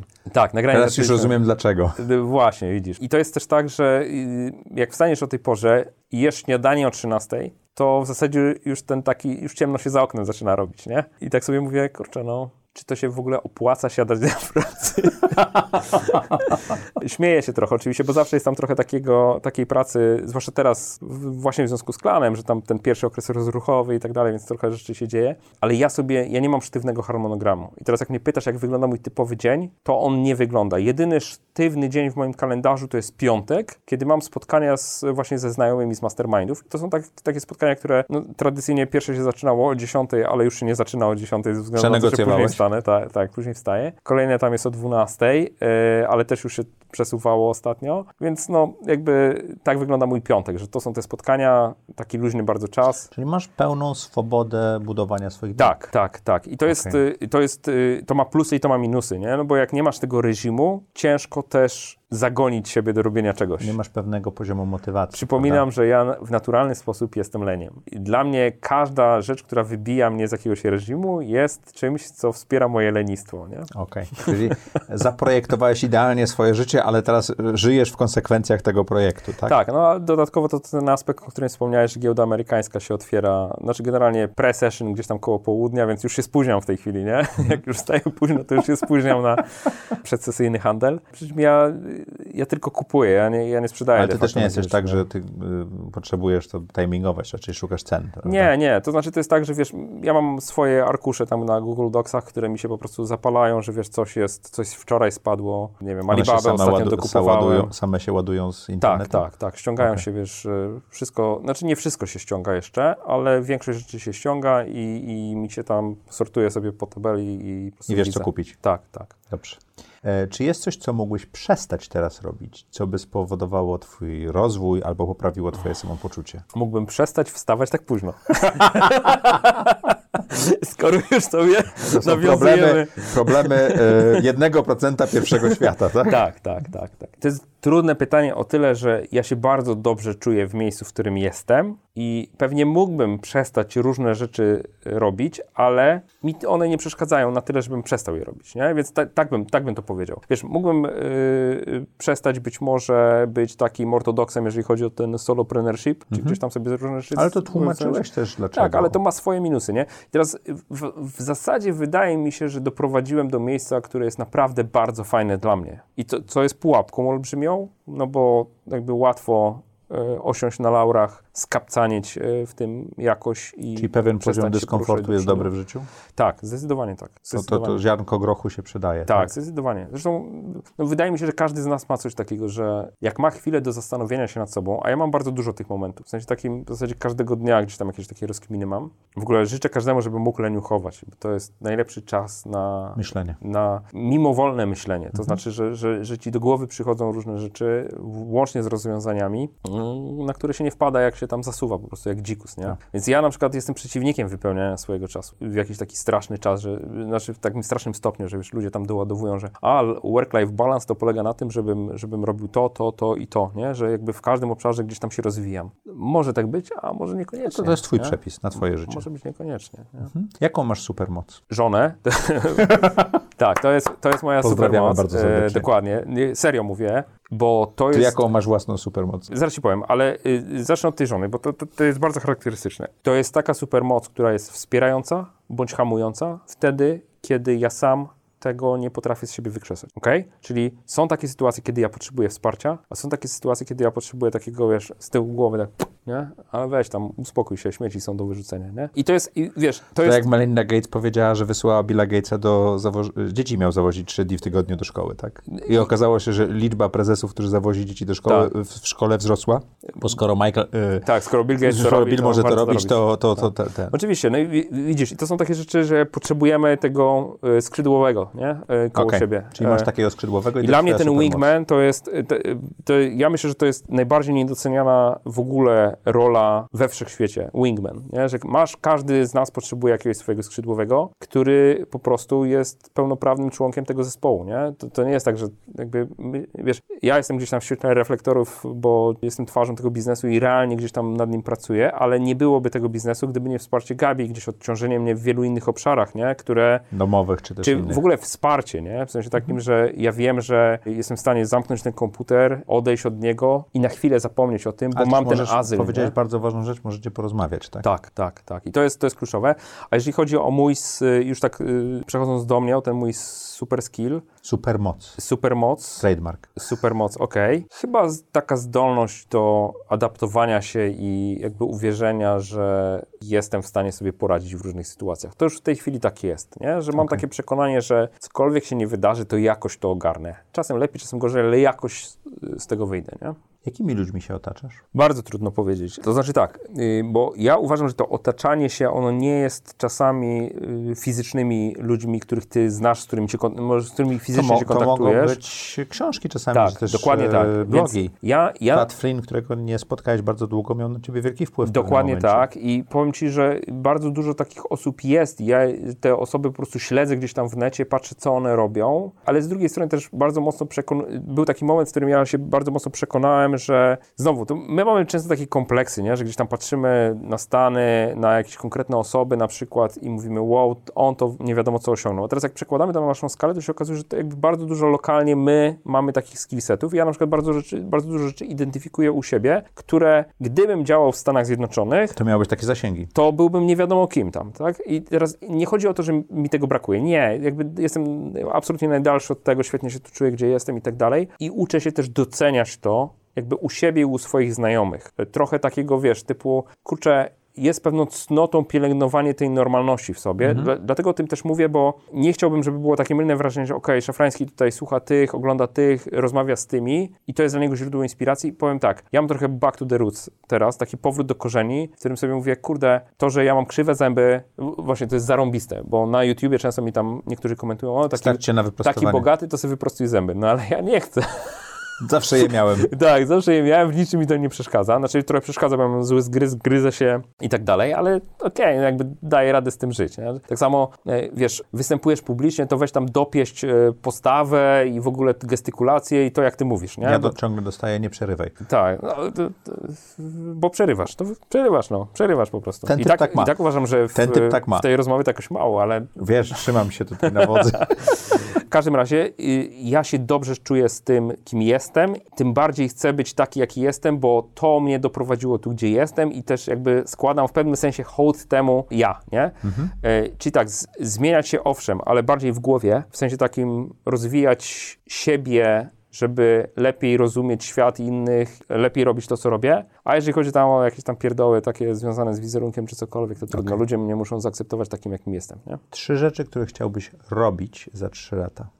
Pierwsza odpowiedź jest nie wiem, ale yy, jakby zmurzę się, zmurzę się, zmurzę się. Na pewno chciałbym y, żyć, Mhm. być y, zdrowy i przypuszczam, że trzecią, żeby się tak dosztukować, zdrowo się odżywiać, żeby być zdrowym. I to myślę, że to... Jeszcze nie dostałem takiej odpowiedzi, muszę To, ci powiedzieć. to by było, bo ja się nie, od, nie odżywiam specjalnie zdrowo. Znaczy w sensie cały czas mam z tym problem, e, pomimo wysokiego cholesterolu i innych tego typu rzeczy. I dobrze wiem, jakby świadomie, to dobrze wiem, jak Co to trzeba zrobić. i co powinienem robić, nie? Ale to wiesz, to takie, dobra, dobra, jeszcze od, odroczymy to jeszcze. E, czego nauczyła cię pandemia? Mnie to chyba niczego. Poważnie Twój mówię. biz- biznes był E, pandemii opro- odporny, twoje życie pewno też, tak? Y, tak, i, i jakbym mógł się pokusić tylko o wnioski, to był nawet wpis na blogu na ten temat. Jest bardzo dużo ludzi, którzy mają dużo gorzej niż ja, a jednocześnie, jeżeli ktoś myśli, że to są ludzie z Polski, to owszem, może pojedyncze przypadki są z Polski, ale niestety są kraje, dla których my jesteśmy po prostu oazą bogactwa i spokoju, Mhm. nie? Więc y, raczej myślę o innych częściach świata, które po prostu mają kolosalne problemy, gdzie pandemia rzeczywiście nałożyła się na problemy, które oni ma mają cały czas, nie? Ej, y, jakby takie,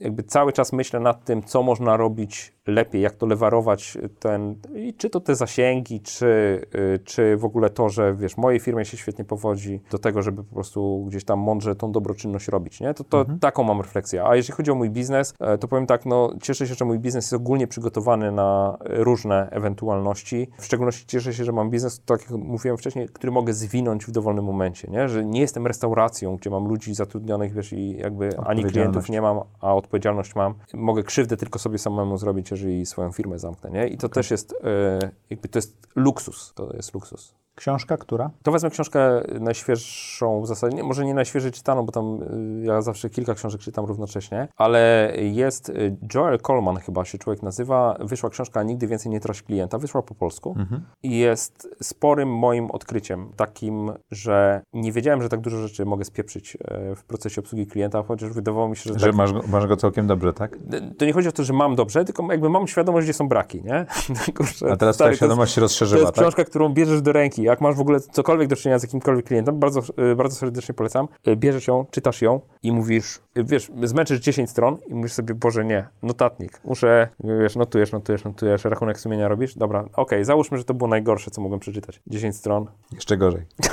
No, Okej, To jest czytałem, bardzo czytałem, dobre. wpadła na moją listę. bardzo dobra y, publikacja, nigdy więcej nie trać klienta, y, z, łącznie z przykładami, wiesz, jak Lady Gaga robi user experience, jak Tony Robbins robi, czyli jakby abstrahując od tego, co oni robią, jaką mają działalność, pokazuje, jak, y, jak wiele można czerpać z różnych obszarów, implementować u siebie, a jednocześnie jakby nakładając na to jeszcze internet i tą działalność w internecie, automatyzację, wow. Czy też po polsku, po angielsku mieszasz? Mieszam, czytam i tak i tak. Zależy Mhm. jaka książka mi wpadnie w rękę. Jeżeli mówimy o książkach e, takich poradnikowych, to zależy, bo ja, ja generalnie wolno czytam. I to jest duży problem, bo y, jakby mi zabiera dużo czasu czytanie. Nie Ale lubię słuchać notujesz, książek. czy- Wiesz co, nie wiem, po prostu wolno czytam. Wolno też. I co więcej, jakby uczyłem się szybkiego czytania, próbowałem się uczyć i tak dalej. Ja w ogóle czytam z patyczkiem, więc to nie jest tak, że tak wolno strasznie, nie? Ale jakby wiem, że można e, szybciej wchłaniać treści i mnie autentycznie wkurza ten mój interfejs białkowy, że on jest taki wolny, nie? Że tak w, wolno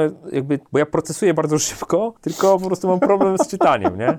Nawet próbowałem poprawić tą zdolność i mi po prostu nie, nie wychodzi mi to. Więc ja czytam... Czyli masz e, Ja pen- czytam niedużo, relatywnie. Znaczy pewnie jak tam statystyki weźmiesz krajowe i tak dalej, to pewnie czytam dużo, ale czytam niedużo, ale jak już tak wchłaniam, to naprawdę tak dosyć głęboko te publikacje. Ja w ogóle nie czytam fikcji też, to jest, to jest jeden z powodów. W ogóle nie czytasz W fikcji? ogóle nie czytam fikcji, w ogóle. Okej. W ogóle. Czytam tylko treści poradnikowe albo biografie Mhm. i super, jakby mm, dobrze się z tym czuję. Nie? Te fikcji naokoło w życiu mamy tyle, że to... Wydałeś 8 książek. e, Tak, osiem. 8. Jak, e, co ty- Sprzedajesz 8 książek u siebie po polsku. A, nie, to ja nie wydałem, to sprzedaję cudze książki, innych A, wydawnictw. Znaczy, wydaje, wiesz co, wydaje Krzysztof Bartnik, to jest wydawnictwo Imker, Mhm. E, ten właśnie mój znajomy, który między innymi logistykę dla mnie obsługuje i e, część z tych książek jest tak influenced też, jeżeli chodzi Tobą? o ich wydawanie. Tak, bo my rozmawiamy Opata i Flynna to ty wydałeś? wspólnie się... Z... Nie, to też, Też nie. on. Nie, Pata Flyna wydało wydawnictwo Relacje, Czyli Okej. to wydawnictwo, które wydało Zaufanie, czyli Waluta Przyszłości, bo to nie jest książka self-publishingowa, Tak, tylko tak. to jest książka wydana z wydawcą. E, Test, bardzo ciekawy zresztą. Na- Napisałeś o tym artykuł. E, tak, nie Napisałeś o jeden tym, i jak- jeszcze nadal nie napisałem najważniejszego artykułu z tego Przed cyklu. Napisałeś też, jak znać się na, liście, na liście bestsellerów w Empiku, co było bardzo Tak. ciekawe. To nie było tak, tak trudne. To jest trywialne reguł. Tak. Nie? E, No, więc to. Hak, znaczy, lubię hakować system i patrzeć, jak się Mhm. system zachowuje i gdzie on ma tam dziury, a później się tym dzielić po prostu, nie? Żeby też obnażać pewne mechanizmy, po to, żeby robić taki pozytywny disruption mimo wszystko, nie? Michale, bardzo Ci dziękuję za tą rozmowę. Dziękuję Ci za tą książkę, która zainspirowała mnie do tego. Dziękuję, że przyszedłeś na setny odcinek. Jezu, ja za Wystarczy dzięków. Co chciałbyś, żeby słuchacze i widzowie audycji Zaprojektuj swoje życie zapamiętali z tego chyba długiego odcinka, tak? Nagrało nam się za Długi dwie odcinek godziny. chyba. Dobrze. E, e, mówiliśmy o tym strachu, który nas może paraliżować przed podejmowaniem różnych wyzwań. Pierwsza rzecz, którą myślę, która jest ważna, to jest, że strach to jest oznaka tego, że mierzymy się z czymś, co jest wyzwaniem, to jest pierwsza rzecz. I a nas druga- być może a, rozwija. a druga rzecz jest dla nas ważne. Bo jak coś jest dla nas nieważne, to tam pewnie nie, nie, bar- nie bardzo odczuwamy taki, mówię o tym wewnętrznym takim odczuciu, że tam dygotamy w środku, nie? Dygoczemy w środku. Więc to jest pierwsza rzecz. Druga rzecz, y, która za tym idzie, to jest, y, ja to często mówię, w książkach też to publikowałem, że trzeba sobie w życiu dawać, y, stwarzać takie okazje, żebyśmy tą pewność siebie budowali. I teraz im bardziej pokonujemy ten strach w różnych sytuacjach i mamy pozytywne rezultaty, tym to jest taki mocniejszy fundament pod kolejne rzeczy, które możemy w życiu robić. Ja to nazywam takim skakaniem po trampolinach, nie? Że jak widzisz olbrzymią trampolinę, która ma, wiesz, półtora metra wysokości, musisz się wdrapać i zacząć skakać na niej, no to nie, nie zrobisz tego, bo wiesz, że możesz się zabić, nie? Zaraz skręcisz kark tam po prostu na niej. Ale jak zaczynasz od takiej malutkiej, że tylko się odbijasz, to później coraz łatwiej przeskoczyć na coraz wyższe. I to jest taka, myślę, obrazowa analogia i dokładnie tak jest, nie? Że w życiu podejmujemy coraz większe wyzwania, coraz więcej doświadczeń zdobywamy i kolejna rzecz, którą bardzo bym chciał, żeby dobrze wybrzmiała, to jest intuicja, bo ludzie Często się zdają na opinie innych, często próbują rozumowo do różnych rzeczy podchodzić i analizować, wymiarować w Excelach, zastanawiać się, szukać. Jak im się coś tam świeci na czerwono, to mówią, ok, za duże ryzyko nie wchodzę, nie? Intuicja to jest bardzo dobry podpowiadacz, bo intuicja to jest taki mechanizm, który mamy, który budujemy przez całe życie w oparciu o nasze doświadczenia i gdzieś nieświadomie,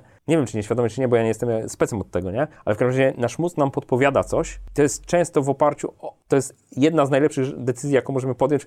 Ona jest sugerowana natychmiast, nie? W taki nieświadomy sposób przemyślana, w cudzysłowie mówię. I e, w, zachęcam do tego, żeby z tej intuicji korzystać. Ja kiedyś ignorowałem często, e, czy to w kontekście ludzi, czy w kontekście projektów. e, Ignorowałem intuicję, bo jakby bardziej rozumowo do tego podchodziłem. Z czasem się nauczyłem, że nie można tego ignorować, wręcz przeciwnie, jak ignoruję, to często się ładuje później na minę, nie? Na przykład, y, a propos ludzi, nie? Coś mi mówiło dawno temu, że coś jest nie okej. Nie wiedziałem co, ale trzeba było siebie posłuchać po prostu, a nie jakby A- a nie brnąć, dochodzić, w, a nie brnąć w sytuację, nie? I jakby próbować to racjonalizować i tak dalej. Ta chemia, te wszystkie te rzeczy takie, które my tam czujemy i tak dalej, to jakby to ma, to ma znaczenie. Ale warto słuchać siebie, nie? Czyli te trzy I rzeczy. ten filtr swój własny, poznawczy po prostu budować. I to mega pomaga w życiu. Bardzo Ci dziękuję. Bardzo dziękuję Wam i jak co tydzień w czwartek o czwartej zapraszamy Was na Zaprojektuj swoje życie.